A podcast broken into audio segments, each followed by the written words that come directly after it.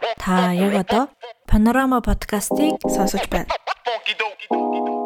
Бид хоёр өөрсдөө сонирхолтой санагдсан янз бүрийн сэдвүүдийн талаар яриа бэлтгэн. Та бүхэндээ YouTube, Spotify, Apple Podcast платформудаар ямар гараг бүр цацах болно.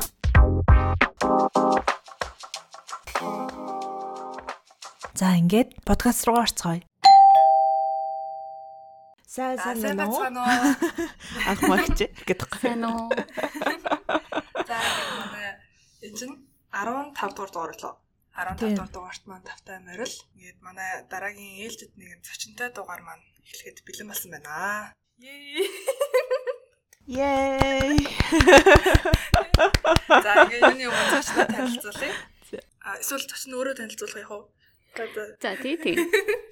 Сайн байцгаана уу? Подкастт орж оролцуулж байгаад маш их баярлалаа. Намайг Анхмаа гэдэг. Одоо Австралид сурдаг. Хүчрлийн их чинь гэхгүй. Яг ч тийм их чинь жишээлтэй гэдэг зүгээр. Тий.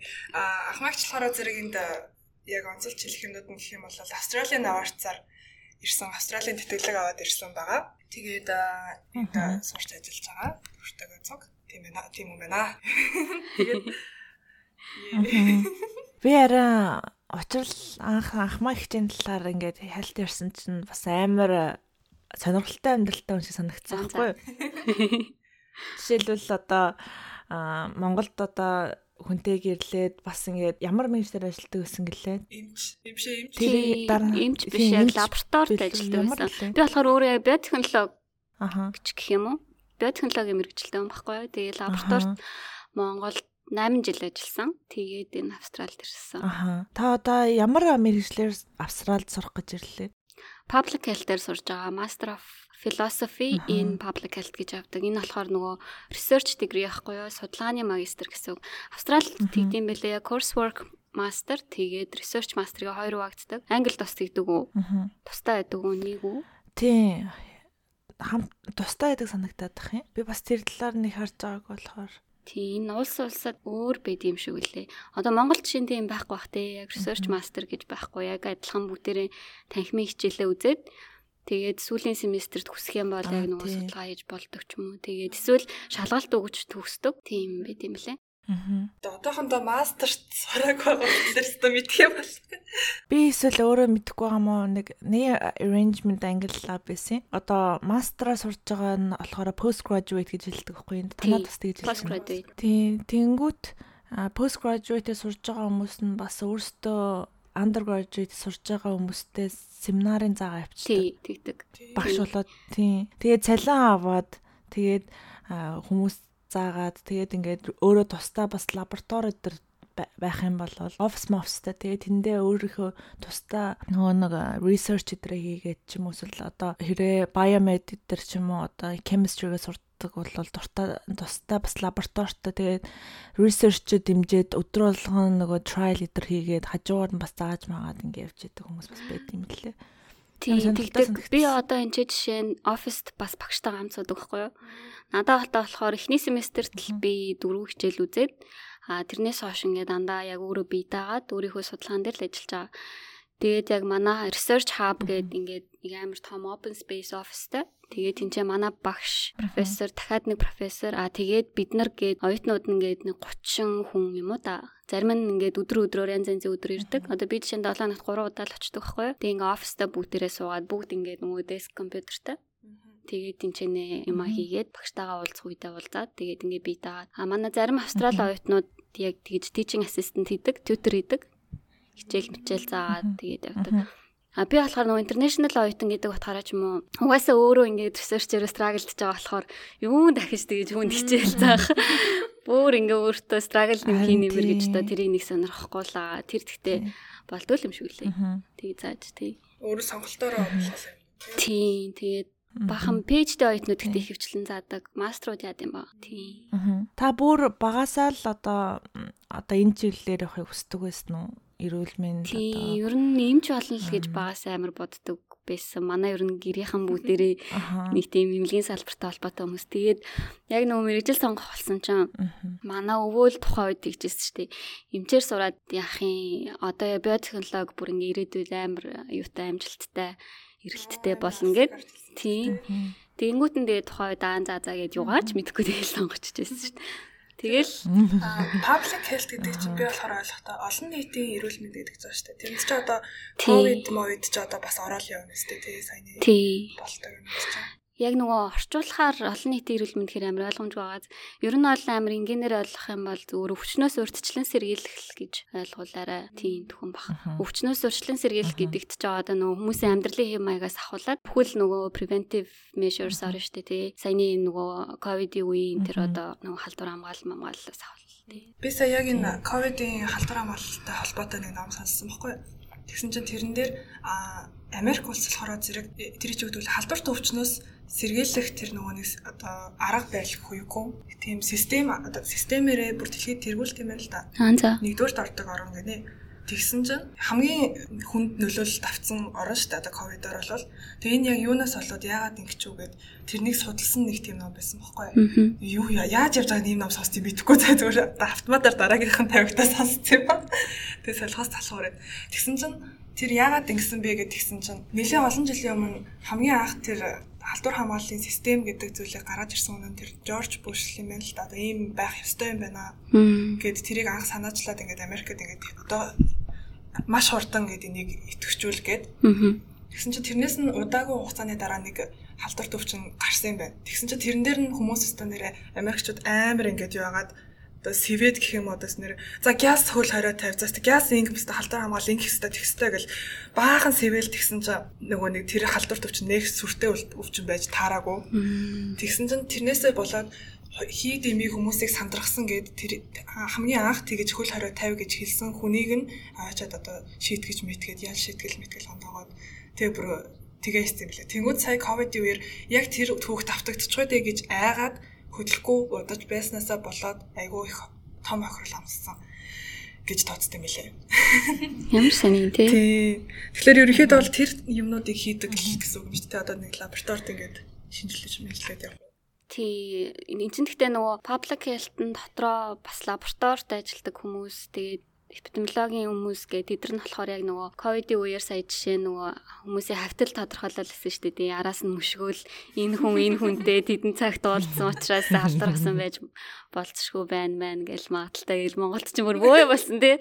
Хүмүүсийн нөгөө иргэний үнэмлэхний зураг мөргэж тавьсан баг шиг. Тэр чинь бол амар хөл бас шүү дээ. Тэгээ ер нь эпидемиологчд болохоор урдчилж тэгж хамгаалдаг байхгүй юу. Тэд нар бас ингээ public health-ийнхаа арга хэмжээнд орно. Одоо халдвар яг энэ дүүрэгт гарах магадaltaй байна. Тийм бол бид нар одоо ингэж энийг ингэж харах хэрэгтэй ч юм уу те. Энэ хүн энэ хүнтэй харьцан байх боломжтой. Тэгэнгүүт бид нэр ингэх юм байна гэдэг нөө дараа дараагийн арга хэмжээгээ авахд ингээд нөгөө бодлого боловсруулагч шийдвэр гаргагч нар зөвлөмжөө өгөөд явдаг. Аа нөгөө талаас лабораторид ажилладаг хүмүүс нь болохоор би болохоор яг лабораторид ажилладаг байсан. PCR-ийг хийн. Одоо ковид дээр л жишээ олгож яриад байгаа шүү дээ. PCR-ийн шинжилгээгээ хийн. Одоо тэгэл тэрэн дээрээсээ ковид чинь тэгээ шив шин өвчин байсан учраас нөгөө тест системийг ингээ боловсруулж гаргана ч юм уу те. Дэрийг нь туршина гэл амар өргөн цар өрөөтэй. Тэр хариуцлагатай ажиллаж сонсох. Тий. Ажилч маань томдоод л энэ.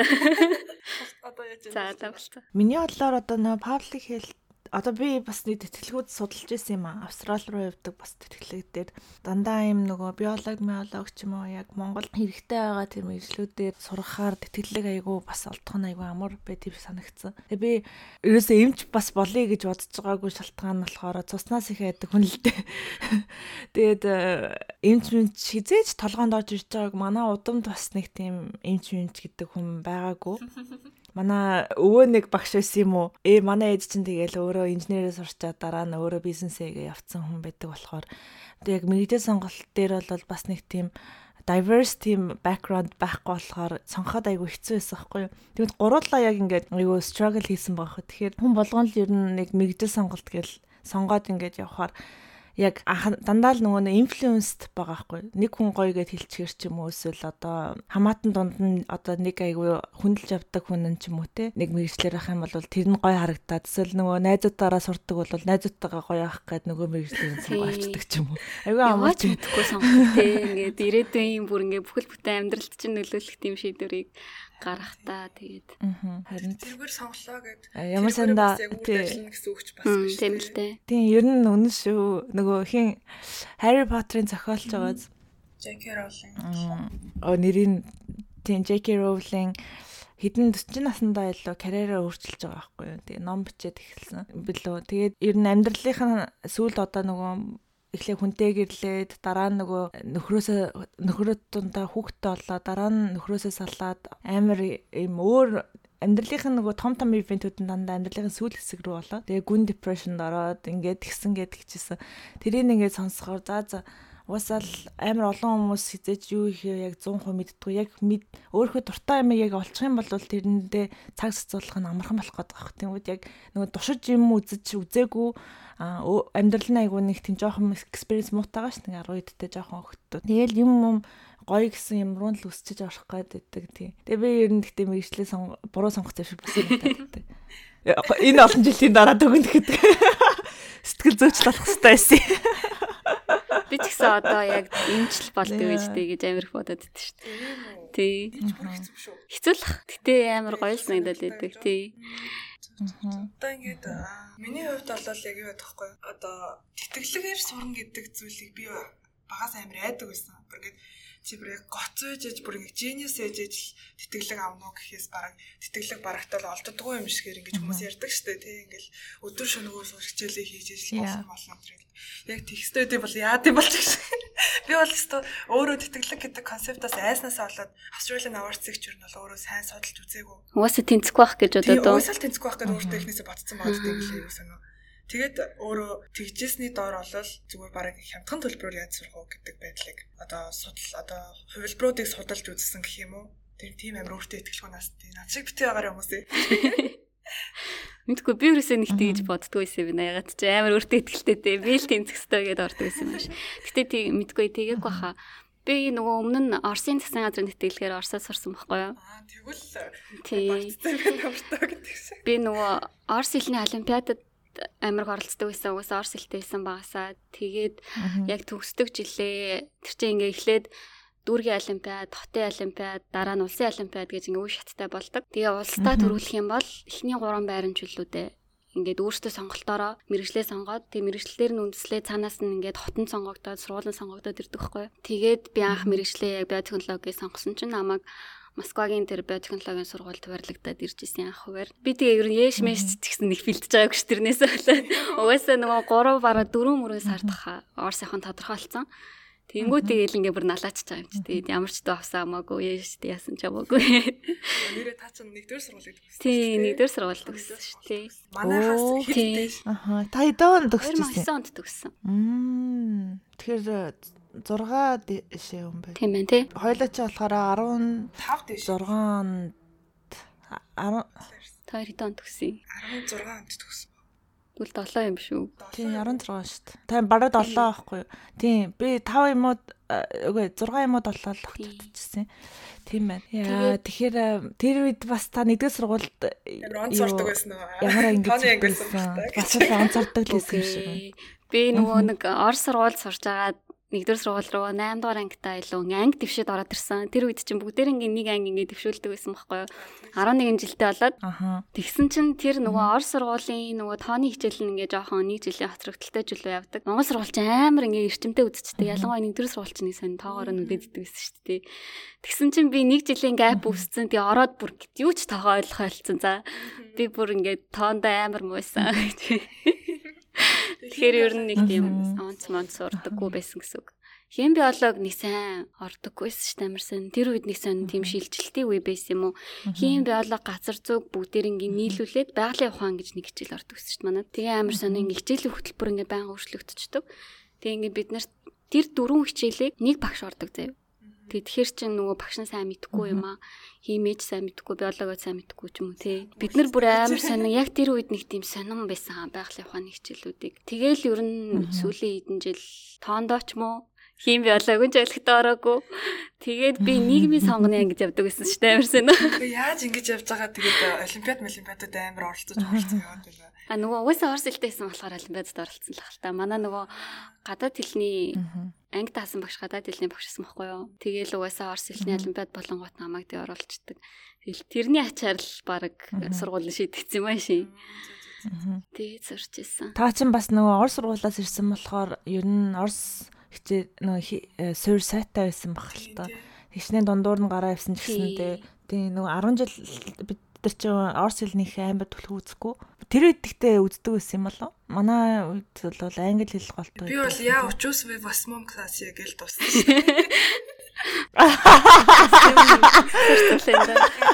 Мая пап Мая мама добрая. Нэг тийм л юм заддаг байсан шүү дээ. Тэгээ би ер нь ярих юм бол шүү дээ бүр багтаа эрхүүд 4 жил амьдарсан байхгүй юу. Тэгээд орс хэлтэй болцсон. Өөр суурн бүр бараг сурсан хэлд орсон хэл нь бараг орс хэл байсан юм шүү тэгээ бараг. Би 4 билүү 5 настайдаа яваад тэнцээ очиод цэцэрлэгт сураад нэгдүгээр ангид орсод нэгдүгээр ангид орж исэн эрхүүд. Тэгээд 3 дугаар ангиа төгсөөд Монголд ирээд Радуга гээд сургуульд сураад. Тэгээд ер нь ингээл орс школоор явцсан гэсэн. Тэгээд 1-р сургуульд Монгол сургууль руу шилжээ. Амар шоконд ороод Монгол бичиг бичиг үзсэн байгаа юм чинь гэхэд чи манай ангийнхаа. Монгол бичиг юу ч мэдэхгүй. Тэгээд багш дээр тавтлан хавтлага аваад явчихлаа. Тэгэл тоондоо ямарчсан амар хоцорсон. Тэр яагаад ч юм амарсан би тухайд ээж авдаа хэлээгүй л юм шиг байгаа ингээм амар юм ойлгохгүй ойлгохгүй ингээд хэлэх бараг ирэхгүй байсан. Тийм амарсан. Одоо л хүүхдүүдийг ингээл нэг тавтлан хавтлаханд явуулаад идэв шүү дээ. Тэр бидний тэр үед нэг тийм байгаагүй баха. Тэгэл өөрсдөө л хичээлээ. Нэг юм ус руу шидээд за за өөрөө цэлчихвэл өгч байгаа юм шиг зүгээр хайцсан байдаг үстэй. Айдаг ч байсан байж магадгүй тий. Ээж автаа ингээ онцорж байна л гэж яваад идэг тий. Аа. Би бас яг улсын хувийн сургууль сурч чад улсын сургууль нэгдүгээр сургууль руу шилжиж орвол амар шоконд орчихсон шүү дээ. Чи ямар хувийн сургууль сурч ирсэн? Орчлон сурч ирсэн. Тэгж жагаад яг англи хэлээр суурай тавьсан. Бид нар чинь төрүүлж англи хэл үзээд байдаг ч үлээ. Тэгдэг байсан. Тэгэл орсон чинь бас монгол бичгийг чинь сурах гэж зовсон зовсон. Тэр л хэвээр хэцүү байсан. Би тэгэл нэгдүгээр сургуульд нөхрөөсөө тоогоо хуулсараа гал төгссөн юм да гэхгүй. Тэр чинь нэг анги байсан байхгүй юу? Оо, та бачка ахтай 10 жилийн дээр чи 10 жилийн нэг ангийн хүүхдүүд. Оо, нэг ангийн sweet heart. Би ингээ хойшоо харж ингэж хуулдаг заяа хичээлээ. Тэгээ манай тооны багш бүр хөөе нүзүүчин гоёдлоо гэж тэгдэг байсан шүү дээ. Юу л бачка хаас таалдаг байсан чи бид хоёр бачка ахын дүү бөгөөс болж байлаа гэдэг. Би бол байгалагаас хичээл хичээл болдог байсан. Нийтдээ. Тийм байглаа айгүй хөөхөн жижигхэн бичдэг. Нэг тийм гой бичдэг аюу нөгөө хараад уншиж уншихад айгүй гой урамтай гэх юм уу. Нэг тийм нийт байсан тий. Цэвэрхэн бичдэг үү тий. Айгүй нийт тий. Танд ингээд одоо Австралид сурах, Монголд сурах хоёрын ер нь яаж. Одоо Оросд сурах энэ гурван Монгол тэгэл 10 жилээ бас байсан. Гэтэ яг их сургууль гэхгүйгээр үзэхэд ер нь ялгаа нь хэр юм шиг санагдсан. Яг ийм онцлог байна уу улс улсын? Тийм онцлог, нэлийн онцлогтой мөлий. Австралч нь яг нөгөө western education system-ээр явцдаг байхаа. Тэгээ орсч нь болохоор амар тийм Монголтай айгу төстэй газар штэ ер нь тий. Школа Тэгэл хамаг юм нэг тийм яг багш төвтэй. Багш нь даалгавар өгнө, багш нь яг хичээлээ заан. Тэгэл хүүхдүүд нь тий тэр багшийн л заасан үгийг ингээл сурчгал юм бол тэр хичээлдээ ингээл бараг дүнгээ гаргачвал болдог тий. Орсууд ер нь Монголтай айгу адилхан. Бид нар тэгэл одоо би оюутан байхад ч гэсэн багш ингээд бүр ингээд дуудаж өгдөг заяа бидний лекцийг. Тэг бид нар ягаад ч юм ингээд Аманд нь баг э, шууд будаа хийж өгч байгаа юм шиг л тэгтээ нэг аягалж өгч байгаа юм шиг. Энэ тэндээс уншин машин гэж юусоо бүр толгойд ч тэгж ордоггүй амар сонирн байсан. Тэгсэн чинь энд ирсэн чинь бүр ингээд энд ирсэн чинь би ингээд зүгээр л амар чөлөөтэй ингээ өөрөө бүр ингээ хүссэн юм а хийж болохоор байгаа байхгүй юу. А тэгтээ ингээд нөгөө эцээ эцэст ингээ надаас нэг юм хийдэж штэ тий. Тэгэхээр нөгөө амар чөлөөтэй багш юм хийлж өгөхгүй багш зөвхөн чиглүүлнэ. Би одоо жишээ нь супервайзер профессортаа 7 хоногт нэг а заримдаа хөвчлэн 2-7 хоногт нэг л удаа уулздаг байхгүй юу. Тэгээд тэр хугацаанд юу хийсэн? Одоо юун дээр ажиллаж байгаа? Одоо дараагийн дахиад 2-7 хоногт юу хийх гэж чинь гээд тэрийг танилцуулаад тэгэнгүүт манай багш тэрийг ингэ чиглүүлнэ. Айн чин болж гин, энийгээ жоохон айн чин ингэж гин тэргээд түнэс яг тэр номыг уншаад тийм яг ингэ эсвэл тэрийг судлаадах модлаадах гэж бол ерөөс хийзэжлэхгүй. Би бүр ингээд таг төөрцөн ингээд явж иж бас болно. Тэгэх юм бол жоохон ингээд л хүчин за чи энэ талаар бодож үзсэн үү ч юм уу те. Тэгэж ингээд тойруулж ингээд асууж масуудаг амар сайн. Тэр бүр надад амар соёлын шок байсан. Энэ Австралийн ер нь систем нь англитай яг адилхан юм. Яг одоо ингээд манай сургууль болохоор зүгээр л шууд хүм өөрөө л хичээхгүй бол тэгэл унахаар тийм сеттингстэй байхгүй юу? багш нь одоо араас чин тэр дүнчийг хэцүүц чин хэцүүч ингээд нэг залгаж хэлдэг байсан шүү дээ. Одоо энийга нэг э, очиж тэр багшаасаа дүнгээ очихгүй юм. Тэгээд тэгээд идэсэн тийм хөнгөө болцсон чинь би амар ингээд тал дээр мал дээр гарсан юм шиг мэдэрч төрчихсөн байхгүй. Өөрийгөө маллах хэрэгтэй болоод. Тийм. Тэнгүүд Английн систем тийм яадаг вэ гэхээр гурван ийм одоо нөгөө oh my god нөгөө No, семестр чи англиар юу гэдэг вүлээ? Семестр, trimester. Үгүй, семестр чинь нөгөө нэг Америк баггүй юу? American English term баггүй? Яа, term гурван termтэй байдаг. Тэгээд гурван termийнх нь хоёрт нь болохоор эхний termд нь 5 хичээл, хоёр дахь termд нь 5 хичээл. Тэгмүүд гурав дахь termд нь битүү individual studying болонгууд юу эхний хоёр үтсэн бүх юмаа дахиж ингэж бүгдийг сэргээж өөрөө цагаа ингэж хуваарлаад ганцаараа бэлдээд тэгснээр тэр 3 термийн дараа 100 бүх шалгалтаа авдаг. Зарим нь э, би бүр тэр ингээд сеттингс тасчихгүй би бүр ингээд гайхажсэн зарим хичээлийг нөгөө анх туршлагагүй ах үедээ 5 хоног бэлдээ ч юм уу 4 хоног бэлдээл ордог. Тэнгүүд яг үүндээ ингээд нөгөө гэхдээ яг энэ хооронд бол яг хүн өөрөө ингээд оролдоод ингээд суухаар өөрийн нөгөө харах өнцөг мүцгөөсөө болоод ингээд илүү их мэдээллийг дайжест хийж авдсан болов уу гэж ойлгоод байгаа. Монголд ч тэгээд дуртай дургуул нэг юм заачингууд тэрнээс цаашаа хичээлээ судлах ямар шаардлагагүй багшийн нөгөө нэг заасныг л баг хуулаад аваад ирвэл тэгэл өнгө авчдаг байсан бохгүй миний хувьд Тэгэл одоо мууж сурахад ч яг ялгаагүй тийм байсан. Тэгснэ багш нар болохоор нөгөө ийм слайдуудаа одоо ингээд презентацийн тавьсан слайдуудаа өвдгүү. Харин тийм тэгдэг байсан тийм амар сонио. Тэгснэ дэвтэр дээр ингээд амар сонио зургийг авч болохгүй мөртлөө дэвтэр дээр бичиж болдог. Би тэрийг ерөөсөй ойлгодгүй. Яг ямар логик яваад байна. Яг reasoning-тэй логик яваад байна тий зургийг ингээ авчгаад дамжуулна гэдэг байгаа байхгүй. Гэхдээ хүн угаасаа тэр дээрээ үг бүрчэнд нүдэд авцсан юм байна шүү дээ. Тэр чинь тэгээл тарахад тарах шүү дээ. Зургийг аваад тараачна зү.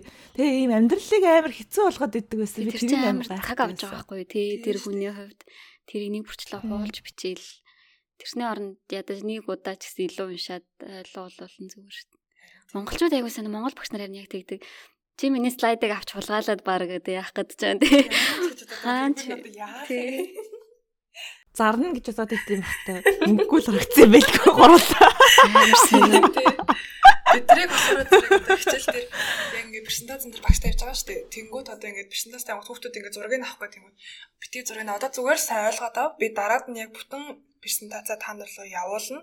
Ярьсан яриагаа рекорд хийсэн байгаа. Тэрийгээ бас явуулна одоо зүгээр яг моменттай ойлгож авах гэдэг чинь. Харин тийм. Дараа нь ойлгоогүй юм а тавтаад рекордингоос онцож болно, презентацнээсээ дахиад харж болно гэдэг. Амар гоё опшнтай бид нэр дахин дахин тэрийг хүссэн үедээ санаж болохоор байгаа байхгүй. Тийм. Тийм. Харин тийм. Яа, тэгэхээр амар ялгаа ихтэй шүү. Мэрчиг. Утрлын энэ цамц ямар гоё хийдэг. Утрлын климж гарч ирэлэх.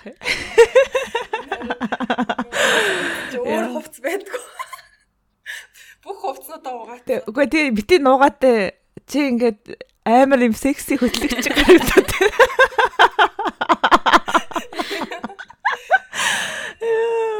Бага бага юм өгтөрө гаргаад юм биш үү? Яа. Анхмаагч тэгээд юу нэгэнт бас нөгөө love life ярьсных тэр талаас нь асууя л та. Юу 10 жилд одоо ингээд та хоёр анх одоо ингээд мэдээж угсаал би бинийгээ шохорхоо тардаг байсан бах. Тэгэнгүүт яг хинэн төрүүлэл ч юм уу одоо яг мөв хийгээд та хоёр нэг юм өнөөдрийн төвшөнд хөрөв тий. Аа бачкал мувисэн тий. Би бол ингээ юу ч мэдтгүү л эсэх гэхгүй. Энэ олон жилийн дараа одоо тэгжил шалгалтандаа л бэлтээждэг тий.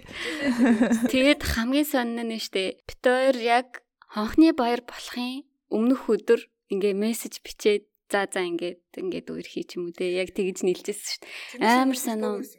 Үгүй тэрнээс өмнө зүгээр л ингээд ангийн найзууд нэг ангид хамт сурдаг. Холбоогүй байсан юм уу? Гинт амар ухаарсан юм шиг ба. Маргааш ингээд хонхны хоёр болол Тэгээд дахиж уулзахгүй юм биш гэж бодсон юм шүү дээ. Тэгэл яг тэр анхны харийн өмнөх өдөр. Энэ үдэл барьж авъя. Мессеж биччихсэн юм да бас их зэвүү өдөр сонгосон байж наас нөө сэтгэл хөдлөл ихтэй нэг тэгээд гэдэг хамгийн огцсон үед нь үерхий гэж хэлэх үед нь. Тий. Яа, үгүй хичээдэ гэсэн шиг. Яг өмнөх өдөр өдөр насаагаад. Гэтэ тэгвэл амар дурсамжинд амар гоё илтгэх хаа. Бас нөгөө талаараа бас юу үгүй гэсэн бол баачках бас дахиж харахгүй ч юм шиг тий. Тийм. Тэгээд тэр үед чинь угаасаа би нөгөө 8 сар мар гэл Орос явахын тодорхой болцсон байсан байхгүй юу. Тэгээд амар сонин одоо ингээ бодохоор амар сонин байгаа. Тэгээд явах тодорхой болцсон байгаа хүнд амар тэгэж мэгэл. Тэгэхээр та хоёр long distance relationship Тийм, бид хоёр шууд long distance руу яваад орсон заяа. Тийм, үерхэл нэг хоноод ч бишээ. Тэр чинь нэг 100 100 байгаа штэ тэр хоёр. Хонхны хоёр чинь нэг 6 сарын 1-ний чөлөөд 5 сарын сүүлээр болсон санагдаад байгаа. Тэгэнгүү 6 сар бүтэн 7 сар бүтэн за 8 сар нэг хагастай ч юм уу тийм 2 сар хагаслал ингээд хамт байсан. Тэгэл би яваад гисэн байхгүй. Тэгээ би чинь 5 жил сурсан Оросод. Тэгэхээр чинь 5 жил long distance хийсэн. Oh my god. Тэр үед чинь тэг одоо мессенжер энэ төр байхгүй сте. Байхгүй штэ. Тэр чин одоо энэ энэ үед одоо юу жишээ тийм амарлаг видео кол мол хийх тийм байхгүй. Би бүр анх ноутбукгүй явжсэн гэл боддоорсроо. Яана юу. Зүгээр чамдаанаа аваад л явжсэн. Та хичээлээ яаж хийдэг вэ? Тэгээ би Оросд очисон чинь бүх хүүхдүүд ноутбуктайсэн байхгүй. Тэгэл би гэрлөө ярьж байгаа юм чи энэ бүх хүмүүс чи ноутбуктэй. Надад ноутбук хэрэгтэй байна гэд. Тэгсэн чи аав ээж хоёр артаас бараг 10 11 сард ч үлээ ноутбук явуулчихсан. Тэр болтол би ингээл зүгээр л ингээл цаасан дээр юм а бичээл тэмдэр дээр бичээл тэгэл хийчихсэн. Тэр үед ч угаасаа 2009 он гэд бодохоор чинь нэг угаасаа ингээ ноутбук ашигладаггүй байсан байхгүй хүмүүс. Тэр үед чи Facebook байгаагүй. Яхаа мессенжер дүнгүйж дэлгэрч исэн. Хүмүүс дүнгүйж мэйл хаяг маягтай болоод. Тий. Тэр анх тэгэл мессенжерээр яхаа мессенжерээр айгүйх мессеж өчтдөг. А түүнээс чи ядж хатар чи нөгөө цагийн зөрүүтэй 5 цагийн зөрүүтэй байхгүй юу Оростой Москватай. Тийм тэгээд нөгөө айл айл нь оюутан болохоор ингээ байнга тэгж мессенжер таарахгүй тэгэл сэцүүл үеиг туллаа. Одоо Монгол ирдэг уу? Эсвэл бачка очдог байсан уу? Эсвэл ээлжлэл явах уу? Аагүй цаа чи намайг төгсөхөд л нэг удаа иржсэн. Тэгэхээр бүр яг 5 жил бүр literally 5 жил болцоогүй юм шүү дээ. Аагүй гоо. Би чинь зуны амралтаараа очив штэ. Би зуны амралтаар гэрте очин. Тэгээд хаяа өвлөөр хаяа очиж чадаад хаяа чаддгүй юм аа. Тийм Москва руу нөгөө богоноор явдаг байхгүй юу? Богоон нэг талдаа 5 хоног явна заяа. Улаанбаатараас Москва хүртэл тэгээд ингээд өвлийн амралт чинь цөөхөн хоног юм чинь ингээд замдаа 10 хоног өнгөрчөөр ингээд үсээ нат хүртэ тэгээд заримдаа явж чаддгүйсэн байхгүй юу? Хонсны билет тэгэхээр үнэтэй гээл Тийм. 100 л ирж очивол.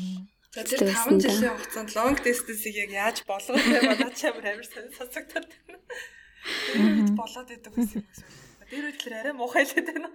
Одоо тэгтээ бодоход одоо ингээд long distance хийсэн бол битэр бараг угаасаа бүтэхгүй салах байсан баха гэж бодод шүү дээ. Тухайд нөгөө жоохон байсан. Тэгээ дүнгууд жойтон тий жоохон ч үед гинж байж. Тэгээл амар мессеж бичээл тэрэндээ ингээ ханаад идэг байсан юм шиг байгаа тий. Ингээ сэтгэлнээ ханаад Одоо бол энэ чинь ингээ амар олон янз янзын юутай болсон байгаа шүү дээ хэрэгцээтэй. Тэрийг ингээ хангаж чадахгүй ангууцаа заах ингээ гэх бах. Тухайн үедээ ингээ болоод исэн юм шиг байгаа. Харин тий энэ бол дээд зэрэглэлийн patience яваад байгаа байхгүй юу? Пүү 5 жилийн хугацаанд дунд нь яг 90 очин байлаа гэж бодоход за өвөлдөө хаяа ирдэг байсан гэж бодохоор л хэцүү санагдаж байна. 7 удаа л уулдан гэсэн үг үстэй 5 5 жилийн дотор 7 8 удаа. Тийм 7 8 удаа. Амар хэцээсэн. Ялангуяа сүүлдээ ингээ сүүлийн 4 5 дугаар курстэй амар хэцээсэн санагдаад тийм. Эхэндээ нэг мэдгүй ч юм уу дээ өөр газар очиод ингээд юм юм сатараад өөр найзуудтай олж малаад. Тэг сүүлдээ яг ингээд амар хэцүү байгаа л. Тэгэл битээр гэхдээ төгсөөл угаасаа ингээд нөгөө тустай амар олон жил болцсон учраас тэгэл шууд нэг гэрт орсон тусдаа гарсан гэсэн үг тий. Тэнгүүд юм таарч тохирохгүй юм ихэндээ гарч ирсэн үү? Одоо хүнтэй ингээ бас амьдарч эхлэхээр хоёр талаас бас нэг тохирохгүй юмнууд бас хальт гарч ирдэ штэ. Аюу за personality wise ч юм уу зүгээр habit-ууд нь таарч болоод ирж байгаа гэсэн үг штэ. Тий. Тийм амар тийм том юм гайгүйсэн баха багавтарл. Нөгөө өөрчлөлтүүдээ ярих чийсэн үү үгүй сая би яриаг наслаа яцсан. Тэр харин их амар их болоогүй мэнэ. Зүгээр л тэгэл. Тий. Гайгүй л лээсэн. Гэтэ өнөөдөр манай ахмагч маань манай өхрийн орд ээ Tars gang. Ээ. Анука өхрийн орд юм уу? Анука. Би мэлхий орд эмзэг шүү. Хүрээ ортныхаа амар өөртинг хийдэг бахаа л гэж боддөө шүү дээ. Чи тэгдэг үү?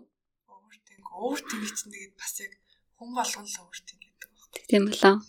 Эмзэг байхыг ч гэсэн тэгээд нэг хүн болгон л эмзэг байх үед эмзэг байна. Нэг тийм stereotype үүсгээд байдаг шүү дээ. Өхрийн ордныхныг хамгийн түрүүнд нэг зөрүүдл гэдэг ирээд байдаг. Гэхдээ яг тэр юмнууд бол бас яг 100% ч бас яг үнэн биш. Тэгэхээр бас. Тийм тий. Та хоёр тэгэхээр яг шууд л ерөнхийдөө бол нэг клик хийсэн юм шиг ингээл хамт амьдрал тараа явцсан уу? Тий. Тэгсэн л ах гэж бодож байна. Эсвэл одоо мартсан болоо тий. Тийм мартсан ч гэж магадгүй. Бид ч юу вэ? 2014 онд би төгсөж ирээд хамт амьдраад яг ихтер нөхөр болсон гэхээр ч одоо 9 жил болцсон шүү дээ. Суугаад. Суугаад 9 жил. Яг үерхэд Оо 5 жил. Тэгээ тэрнээр нэмэхээр ч 14 жил гэсэн үг байхгүй юу? Йоо 14 жилийг таарсан юм байхгүй юу? Маш их хугацаа өнгөрсөн байна. Тий. Йоо. Энэ хугацаанд бол бас амар олон ивентүүд өөрчлөгдөж болохоор хугацаа юм шиг санагдлаа. Та одоо та хоёр хүүхэдтэй л үү? Хүүхдгүү. Аа. Тэгэхээр энэ 9 жилийн хугацаанд бол баг амар олон юм болж болохоор хугацаа шүү дээ. 8 хүүхэдтэй болж болно. Тийм шүү дээ. Манай өштэй амар аялдаг а тий. Тэр ер нь амар их аялдаг юм шиг санагдсан шүү дээ. Тий. Одоо юу одоо бодоход би чинь тэгээ төгсөж ирээл нөгөө нэг байгууллагт орсон Монгол улсын байгууллагт ажиллаад тэгээл тэнцэнэ 8 жил ажиллаад одоо Австралид ирж байгаа байхгүй юу. Аа. Тэгээл манай нөхөр ч гэсэн сургуулаа төгсөөл яг ингээл мэрэгчлэрээ ажиллаад хэрнэдгүй амар их ажил хийсэн л юм шиг санагдаад ах юм одоо ингээд харахад. Тий. Тий, тий. Яг ингээл хамт амьдрал эхлэнгүүт чи ингээд байр марнаас ахвал амар их юм хэрэг болол тэгээд нэг жоохон тэгэл мөнгөний төлөө ажиллаа л исэн юм байна ер нь. Аха. Ажиллаад Та нөгөө Орс Морс ч юм уу одоо Австралид ингээд сурч байхад ер нь гадаад хүмүүсээ нийлсэн үү эсвэл Монгол хүмүүстэйгээ нийлээ явжсэн үү? Би амар сонио ерөөсө гадаад хүнтэй яг тэгж Монгол хүнтэй харьцаж байгаа юм шиг яг тэгж бүр имжүүлэлтэй харьцаж байгаа ч юм чаддгүй. Хэлний барьер юм уу гэхээр бас айгуу сонио. Би бол. Орсоор ингээ айгуу сайн ярьж чадна. Яа ингээ Мгм. тэр хүний хэлж байгаа 100% ойлгоно. Өөрийнхөө тэгсний мөртлөө хэлэх гэж байгаа ямиг дутуу ойлгуулад байгаа юм шиг надад байхгүй. Монгол хэл дээр чи ингээл янз янзын үг ашиглаад бүр ингээл бие үйлдэлэрээ ч хамаагүй ингээд юм илэрхийлж байгаа штэ тий. Орс дээр ч юм уу англи дээр ерөөсөө тэгж чаддгүй юм шиг санагдаад. Тэр надад амар ноён санагдаад байхгүй. Тэнгүүд би гадаад хүмүүсээс ингээд жоохон өөрөө ингээд зайгаа барих гэдэг. Тэгээ илүү монголчуудтай нийлүүл илүү ингээд чөлөөтэй өөрийнхөө байж чаддаг байсан болохоор илүү монголчуудтай л нийлмэр санагдаад төгссөн шүү дээ. Оросд ч гэсэн одоо энэ ч гэсэн. Анука хараа эсэргээрээ гадаад хүмүүстэй амар найз болохтой амар сайн юм шиг санагдаад байдаг шүү дээ. Одоо чинь оол юм оол гэж танаа найзууд байдаг даа. Аа. Юу стил гэхдээ яг анхмаагчтай ер нь адилхан. Би гадаад хүмүүстэй яг ингээ vibe нь болоод нийлж бол чадна. Тэгээд э, цаг маг л надад байх юм бол би хүмүүстэй айгу maintain relationship хийж чадна. Гэхдээ яг би өөрөө нөгөө нэг нэг тийм монгол зам байгаад иддэг байхгүй. Монголчууд ч бас нэг төрлийн бас бүдүүлэг хүмүүс шүү дээ. Тий. Тэгээ ер нь хүний space personal problem мэдэрлээ айгу гүн ингээ гээд mind тэгээд орчих гээд идэг талтай. Тэгээд хаяа бас нөгөө бидний ярианы хэлэнд бас нэг тийм ийм нюансууд идэв шүү дээ. Одоо зөвхөн монгол хүн ойлгохоор Тий, тийм үү? Тэр нь ингээ нэг зөвхөн тэр хүний одоо part of personality болоод эхлэнгүүт яг тэрийг яг англи хэл рүү орчуулад гаргаж ирэхээр өөр хүн болоод байгаа байхгүй би. Тэгэхээр ингээд юу яг 100% ойлголцдог нь бол ялтч хүн монгол хүмүүс гэдэг. Тэгээ тий. гадаад л өссөн бол а, тэр хүн бол гадаад хүн яг өөрсдийнх нь хүмүүс болоод монгол хүмүүстэй харьцах гэхээр бас нэг жоохон нэг тийм соёлын өөр ялгаа валинууд гарч ирээд идэм билээ. Гадаад хүнтэй найзлах ер нь амар хэцүү санагдсан надад. Одоо энэ ангийнханд мангийнхантайгаа ингээл нийлэл явбал явна шүү дээ. Тэнгүүт тэгэл болж өгдөг. Эсвэл болж өгөхгүй. Тэг гадаад хүмүүстэй нийлэхэд амар их юу шаардаад юм аа. Энерги шаардаад Тий. тий. Бүр ингээ зүгээр амар хичээж ийж тэр хүмүүстэй conversation-ыг ингээд явуулаад тэдрээс юм асуугаад үргэлж ингэж хариулж Мгм. мариулаад ингээ амар энерги зарцуулаад идэг болохоор ингээ амар ядраагаад идэв юм аа. Би ер нь Тэгээд- сая дөрөвдөгд яг тэгсэн юм байна. Өглөө нөгөө нэг дөрөвдөгд өглөө хичээлдээ очоод хамгийн ихний өдөр нөгөө бараг ангитай хоорондоо танилцаж мэлцаад ингээд багийн гişүүд мишүүд эртнээс нүдэлж авахгүй бол болдоггүй. Тэгээд очиод бүр амар ингээд юу яцсан. Socialize хийсэн. Гэртээ ирээд би бүр амар тренд болоод оройн ажилласаж хүлээ аваад. Тэгээ угаасаа би ингээд нэг л сонд хараагаад байсан тэгэл. За зэглэж хүлээ авсан. Энийг нэрээ ярьж болохоос нь гэсэн манай ажлын ажлаар сонссон шүү дээ. Гэтэл юу штэ ер нь сик өнөөдөр би байна гэж чулаа авдаг culture угаасаа монголчууд байдаг шүү дээ. Монголчууд ч гэлтгүй дэлхийд даяараа л хүн ажил дээрээ ирмээргүй тэнгууд нөгөө anxiety эдэр чинь нэг том асуудал биш байхгүй Монголд. Гэтэ энд чинь бас айгүй томдоо орно. Anxiety гэдэг имийг ер нь хүн хаяа мэдрэхээр чинь үнэхээр угаасаа юм хийх мотивашнгүй болно. Тэгэл зүгээр байгаа үедээ айгүй амархан хийчих яг anxiety төрсэн байх юм бол угаасаа цаанаасаа угаасаа юу гарч ирэхгүй нэг тийм хийх хүсэл гарч ирэхгүй юм уу. Тэгэл inefficient болохоор It's okay I think. Yeah, та тэгвэл яаж одоо mental health-тэй manage хийж байна. Одоо энэ асуултыг бол угаасаа хүн болгоноос л асууж байгаа. Наа чи угаасаа амар хэцүү. Угаасаа одоо мэдгүй яагаад ч сүүлийн үед mental health нь ингээд доороотой байгаа мó. Угаасаа ингэж байсан. Анзаараагүй манзаарч гарч байна уу тий. Байсан юм уу гэдгийг бас гайхаална. Эсвэл Австралид ирээд тэр нь бүр ингэ сэдрээд байгаа мó яагаад мэдгүй. Амар өөр тинкийгээл тэгээ дээрэс нь одоо хоёр жишээ нь сая ингээл 8 жилийн туршид ингээл нэг тийм доктортой амьдралтай байсан гэсэн үг шүү дээ тий ингээл ямар ажилд хийх нь тодорхой дараа жил яах нь тодорхой маргааш яах нь тодорхой хаана амьдрах нь тодорхой Тэнгүүд нөгөө энчээ ирэнгүүд нөгөө uncertain юмнууд амар их гарч ирээд. Тэгээ одоо миний жишээ нь ингээд дараа жил төгсгөө би дахиад нэг жил эсвэл сунгах уу ч юм уу тий. Тэгээд одоо энэ байрандаа 6 сар амьдрах юм уу эсвэл нүүх юм уу? Тэгээ ер нь цаашдаа яах юм одоо ингээд ажил ажилд орох хэрэгтэй ч юм уугүй ч юм уу манай нөхрийн ажил дараагийн 7 хоногт ажиллах ч юм уугүй ч юм уу гэлтэй амар олон ийм юмнууд бас нөлөөлж байгаа бахал гэж бодоод байгаа. Тэгээ тэрнээс болоод mental health жоохон unstable байгаа. Би бол өөрийгөө амар тийм stable хүн гэдэгтээ ингээм амар тийм бардам бас явдаг байсан байхгүй юу? Өмнө нь одоо Монгол тахтаа тэгээд Оросд тахтаа ч гэсэн хэр арга юм угаасаа нэг тэгээд хүмүүс намайг амар тайван майван ч юм уу те ингээ шалгалт малгалт төгөл хүмүүс бүр нэг сандарч яхад би ингээд бэжлээд. Ингээл манай ангийнхан тэгдэг байсан аахгүй. Тэгээ өөрийгөө амар тийм ингээ дүгнсэн байсан чинь тийм биш болж таараа. Амар ингээл савлж мавлал амар anxietyтэй ч юм шиг санагдал. Бараг депресс за депресс гэж ярьж болохгүй байна. Зүгээр стресстэй даам санагдал. Тийм байгаа ер нь нийт. Харин тэгэхээр бас би тийм би бас гайхадсан байхгүй одоо Монголд эморчсэн нь бол Английн эморлтой бол харьцуулахгүй байхгүй. Харин тийм. Жижигхэн. Тий. Тэгээ одоо гонеглаа гэхэд л ядж л амар олон найзууд хажууд иждэг тий.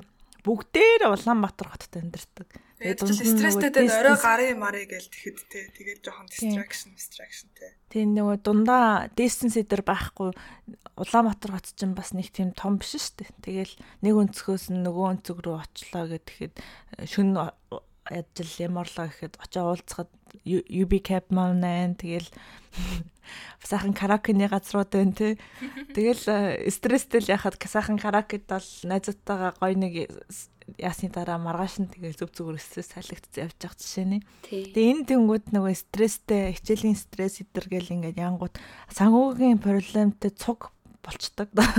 Өнөө мар одоо ингээд дараа сарынхаа мөнгө зөнгийг нь хадгалаад ингээ явж байхгүй бол ажилласаа хусагдлаа гэхэд байрны мөнгө рүү шууд ороод нөгөө за survival mode-д орчиж байгаа байхгүй. Тэнгүүд хүн яг нэг өөрийнхөө happiness-ыг бодохоос илүүтэй тэгэл за өнөөдөр маргааш яах вэ гэдэг асуулттай тулгараал мэд юм шиг санагдсан шүү дээ. Харин тийм ингээд гадагшаа угаасаа явсан хүмүүсийн mental health ингээ амар unstable shaky болоод ирдэг хаалта тий. Гэтэ одоо Монголд одоо сэтгэл зүгээ сайн ингээд удирдах чаддаг болоод ирэх юм болов Монголдоо эргээд. Үгүй юу? Эсвэл бүр дордоо төрөд ирэх юм болов?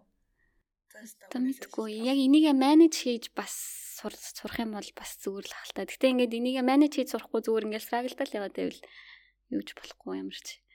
Өөрөө шиггүй л. Тэгээ би ингэж ойлгосон. Depression дээр гээд ингээд ийм харахаар гадаадд илүү ингээд ил гараад байгаа гэсэн шүү дээ. Тэг би амар олон талаас нь тайлбарлах гэж үзсэн байхгүй яг юунаас болоод ингээд за яг угаасаа мөнгөний проблем одоо аюу те ирээдүйн суйтанд эднэр бас нэг тал нь болоод байгаа. Гэхдээ нөгөө талаараа бас нөгөө Монгол хүмүүсийн value гадаад хүмүүсийн value дээр шал өөр байгаа юм шиг. Одоо гадаад амьдрах нь болохоор жоохон индивидуалистик болчдөг байхгүй хувь хүн тал руугаа. Тэгвэл монголч аяг коллектив байхгүй нөгөө Азийн орн болохоор гэр бүлсэг гэх юм уу? Хамаатан садангаараа ингээд дэмжээ явж идэг. Тэнгүүт э, гадаад одоо яг англи мангл австрали улсууд яадаг вэ гэхээр хувь хүний мөрөөдөл одоо хувь хүн гэдэг ийм үнцэг аягүй сайн гарч ирдэг.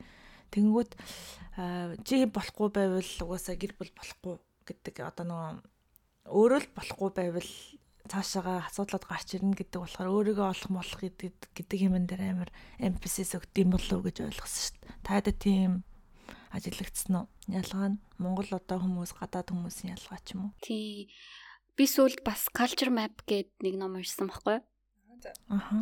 Тэр айгуу сонирхолтой ном байсан. Тэрийг болохоор бичсэн хүн нь өөрөө ийм консалтинг үйлчилгээ явуулдаг нэг эмэгтэйсэн. Яг ингээд гадаад компани одоо өөр орны ажилчин авч ажиллуулахдаа хооронд нь ингээ айгүй хүлээ олголцол гардаг гинэ. А эсвэл нөгөө хоёр гадаад компани ингээ хоорондоо нийлэхэд мерж хийж байгаа үед ингээ нөгөө соёлын ялгаа гардаг. Тэгээ тэр мэрийг ингээ зохицуулж өгдөг тийм хүн. А эсвэл ингээд тий экспат ингээд одоо Монголд ирж ажиллах чааж юм уу те тэгэнгүүт ингээд Монголд ингээд юу тулгарч болох уу гэл ингээд бүх юмыг соёлын талаас нь ингээд тренинг орж мордог. Тийм консалтинг үйлчлэгээ явуулдаг тийм эмэгтэй бичсэн ном байсан. Тэгсэн чинь тэрэн дээр угаасаа ингээд бүр ингээд орон орноор нь тэгээ Аз Европ орн тэгээ Европ дотроос ингээд янз янз сална гэд. Тэгээд бүгдээрээ соёлын амар том ялгаатай. Зүгээр наад захын шийдвэр гаргалтан дээр хүртэл ингээд Америк соёл жишээ нь шийдвэрээ ингээ айгүй хурдан гаргадаг гэж аахгүй юу. Тэгээд ингээ явцын донд тэрийгэ ревю хийгээд сайжруулад өөрчлөөд чиглэлийн өөрчлөөд ингээд ингээ явдаг. А тэнгүүд Аз соёл би хорны соёлч магадгүй ямар ч гэсэн ялгаатай нөгөө өөр соёлын хүмүүс нь болохоор амар удаан шийдвэр гаргах гэж ингээ амар уддаг заяа. Бүх юм ингээ германчууд ч үлээ. Анализ хийгээл өгдөг хийгээл өгдөг ингээ шийдвэр юусаа гарахгүй заяа. Тэгжээж бүр ингээ амар удаан хугацааны дараа нэг шийдвэр гаргаад тэрийг юусаа өөрчлөхгүй ингээ эцсээ хүртэл тэр шийдвэрийнхаа дагуу ингээл явдаг. Бүх процесс нь. Тэгэл одоо иймэрхүү байдлаар ингээ бүх юмн дээр ийм ялгаа нь гардаг. Тэгэхээр угаасаа ингээ соёлоосоо бүр ингээ уламжлагдаж ирсэн бүр ингээ хэдэн мянган жилийн турш ингэж ирсэн тэр юм нөөр учраас бид бүгдээрээ угаасаа өөр. А тэгээ тэрийг яаж менеж хийх үү гэдг нь өөрөө бас амар тустай. А тэгээ тэр хүний өгсөн байсан зөвлөгөө нь хэрвээ чиний ингээд ажиллах байгаа тим чин амар олон хүнээс бүрдсэн бүгд өөр өөр калчертай хүмүүс байх юм бол бүх юмаа ингээд бүр ингээд ямар ч юм асюм хийх шаардлагагүй гинэ. Бүгдийг ингээд заавал ингээд эхнээс нь бүр ингээд А Б гүү бүгдийг хэлэх хэвээр. Түүнээс шиг ингээд монголчууд чинь ингээд жоохон цаагаараа яриад ялангуяа Аз соёл тэгдэг гинэ.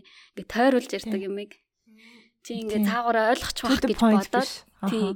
Тий. Ингээ жоохон тайруулж бүрэн хийлж ярьдаг. Тэгэх юм бол ингээ л үл ойлголцол гараад эхэлдэг. Тий. Одоо тэгээ Америкчууд энэ чи Австралич гэсэн бас тийдэг баг. Хүмүүсийг нөгөө ажлын жилийн эцсийн нөгөө ревю хийд юм байна л та. KPI юу? Тий. Мэдгүй юу гэсэн бэ?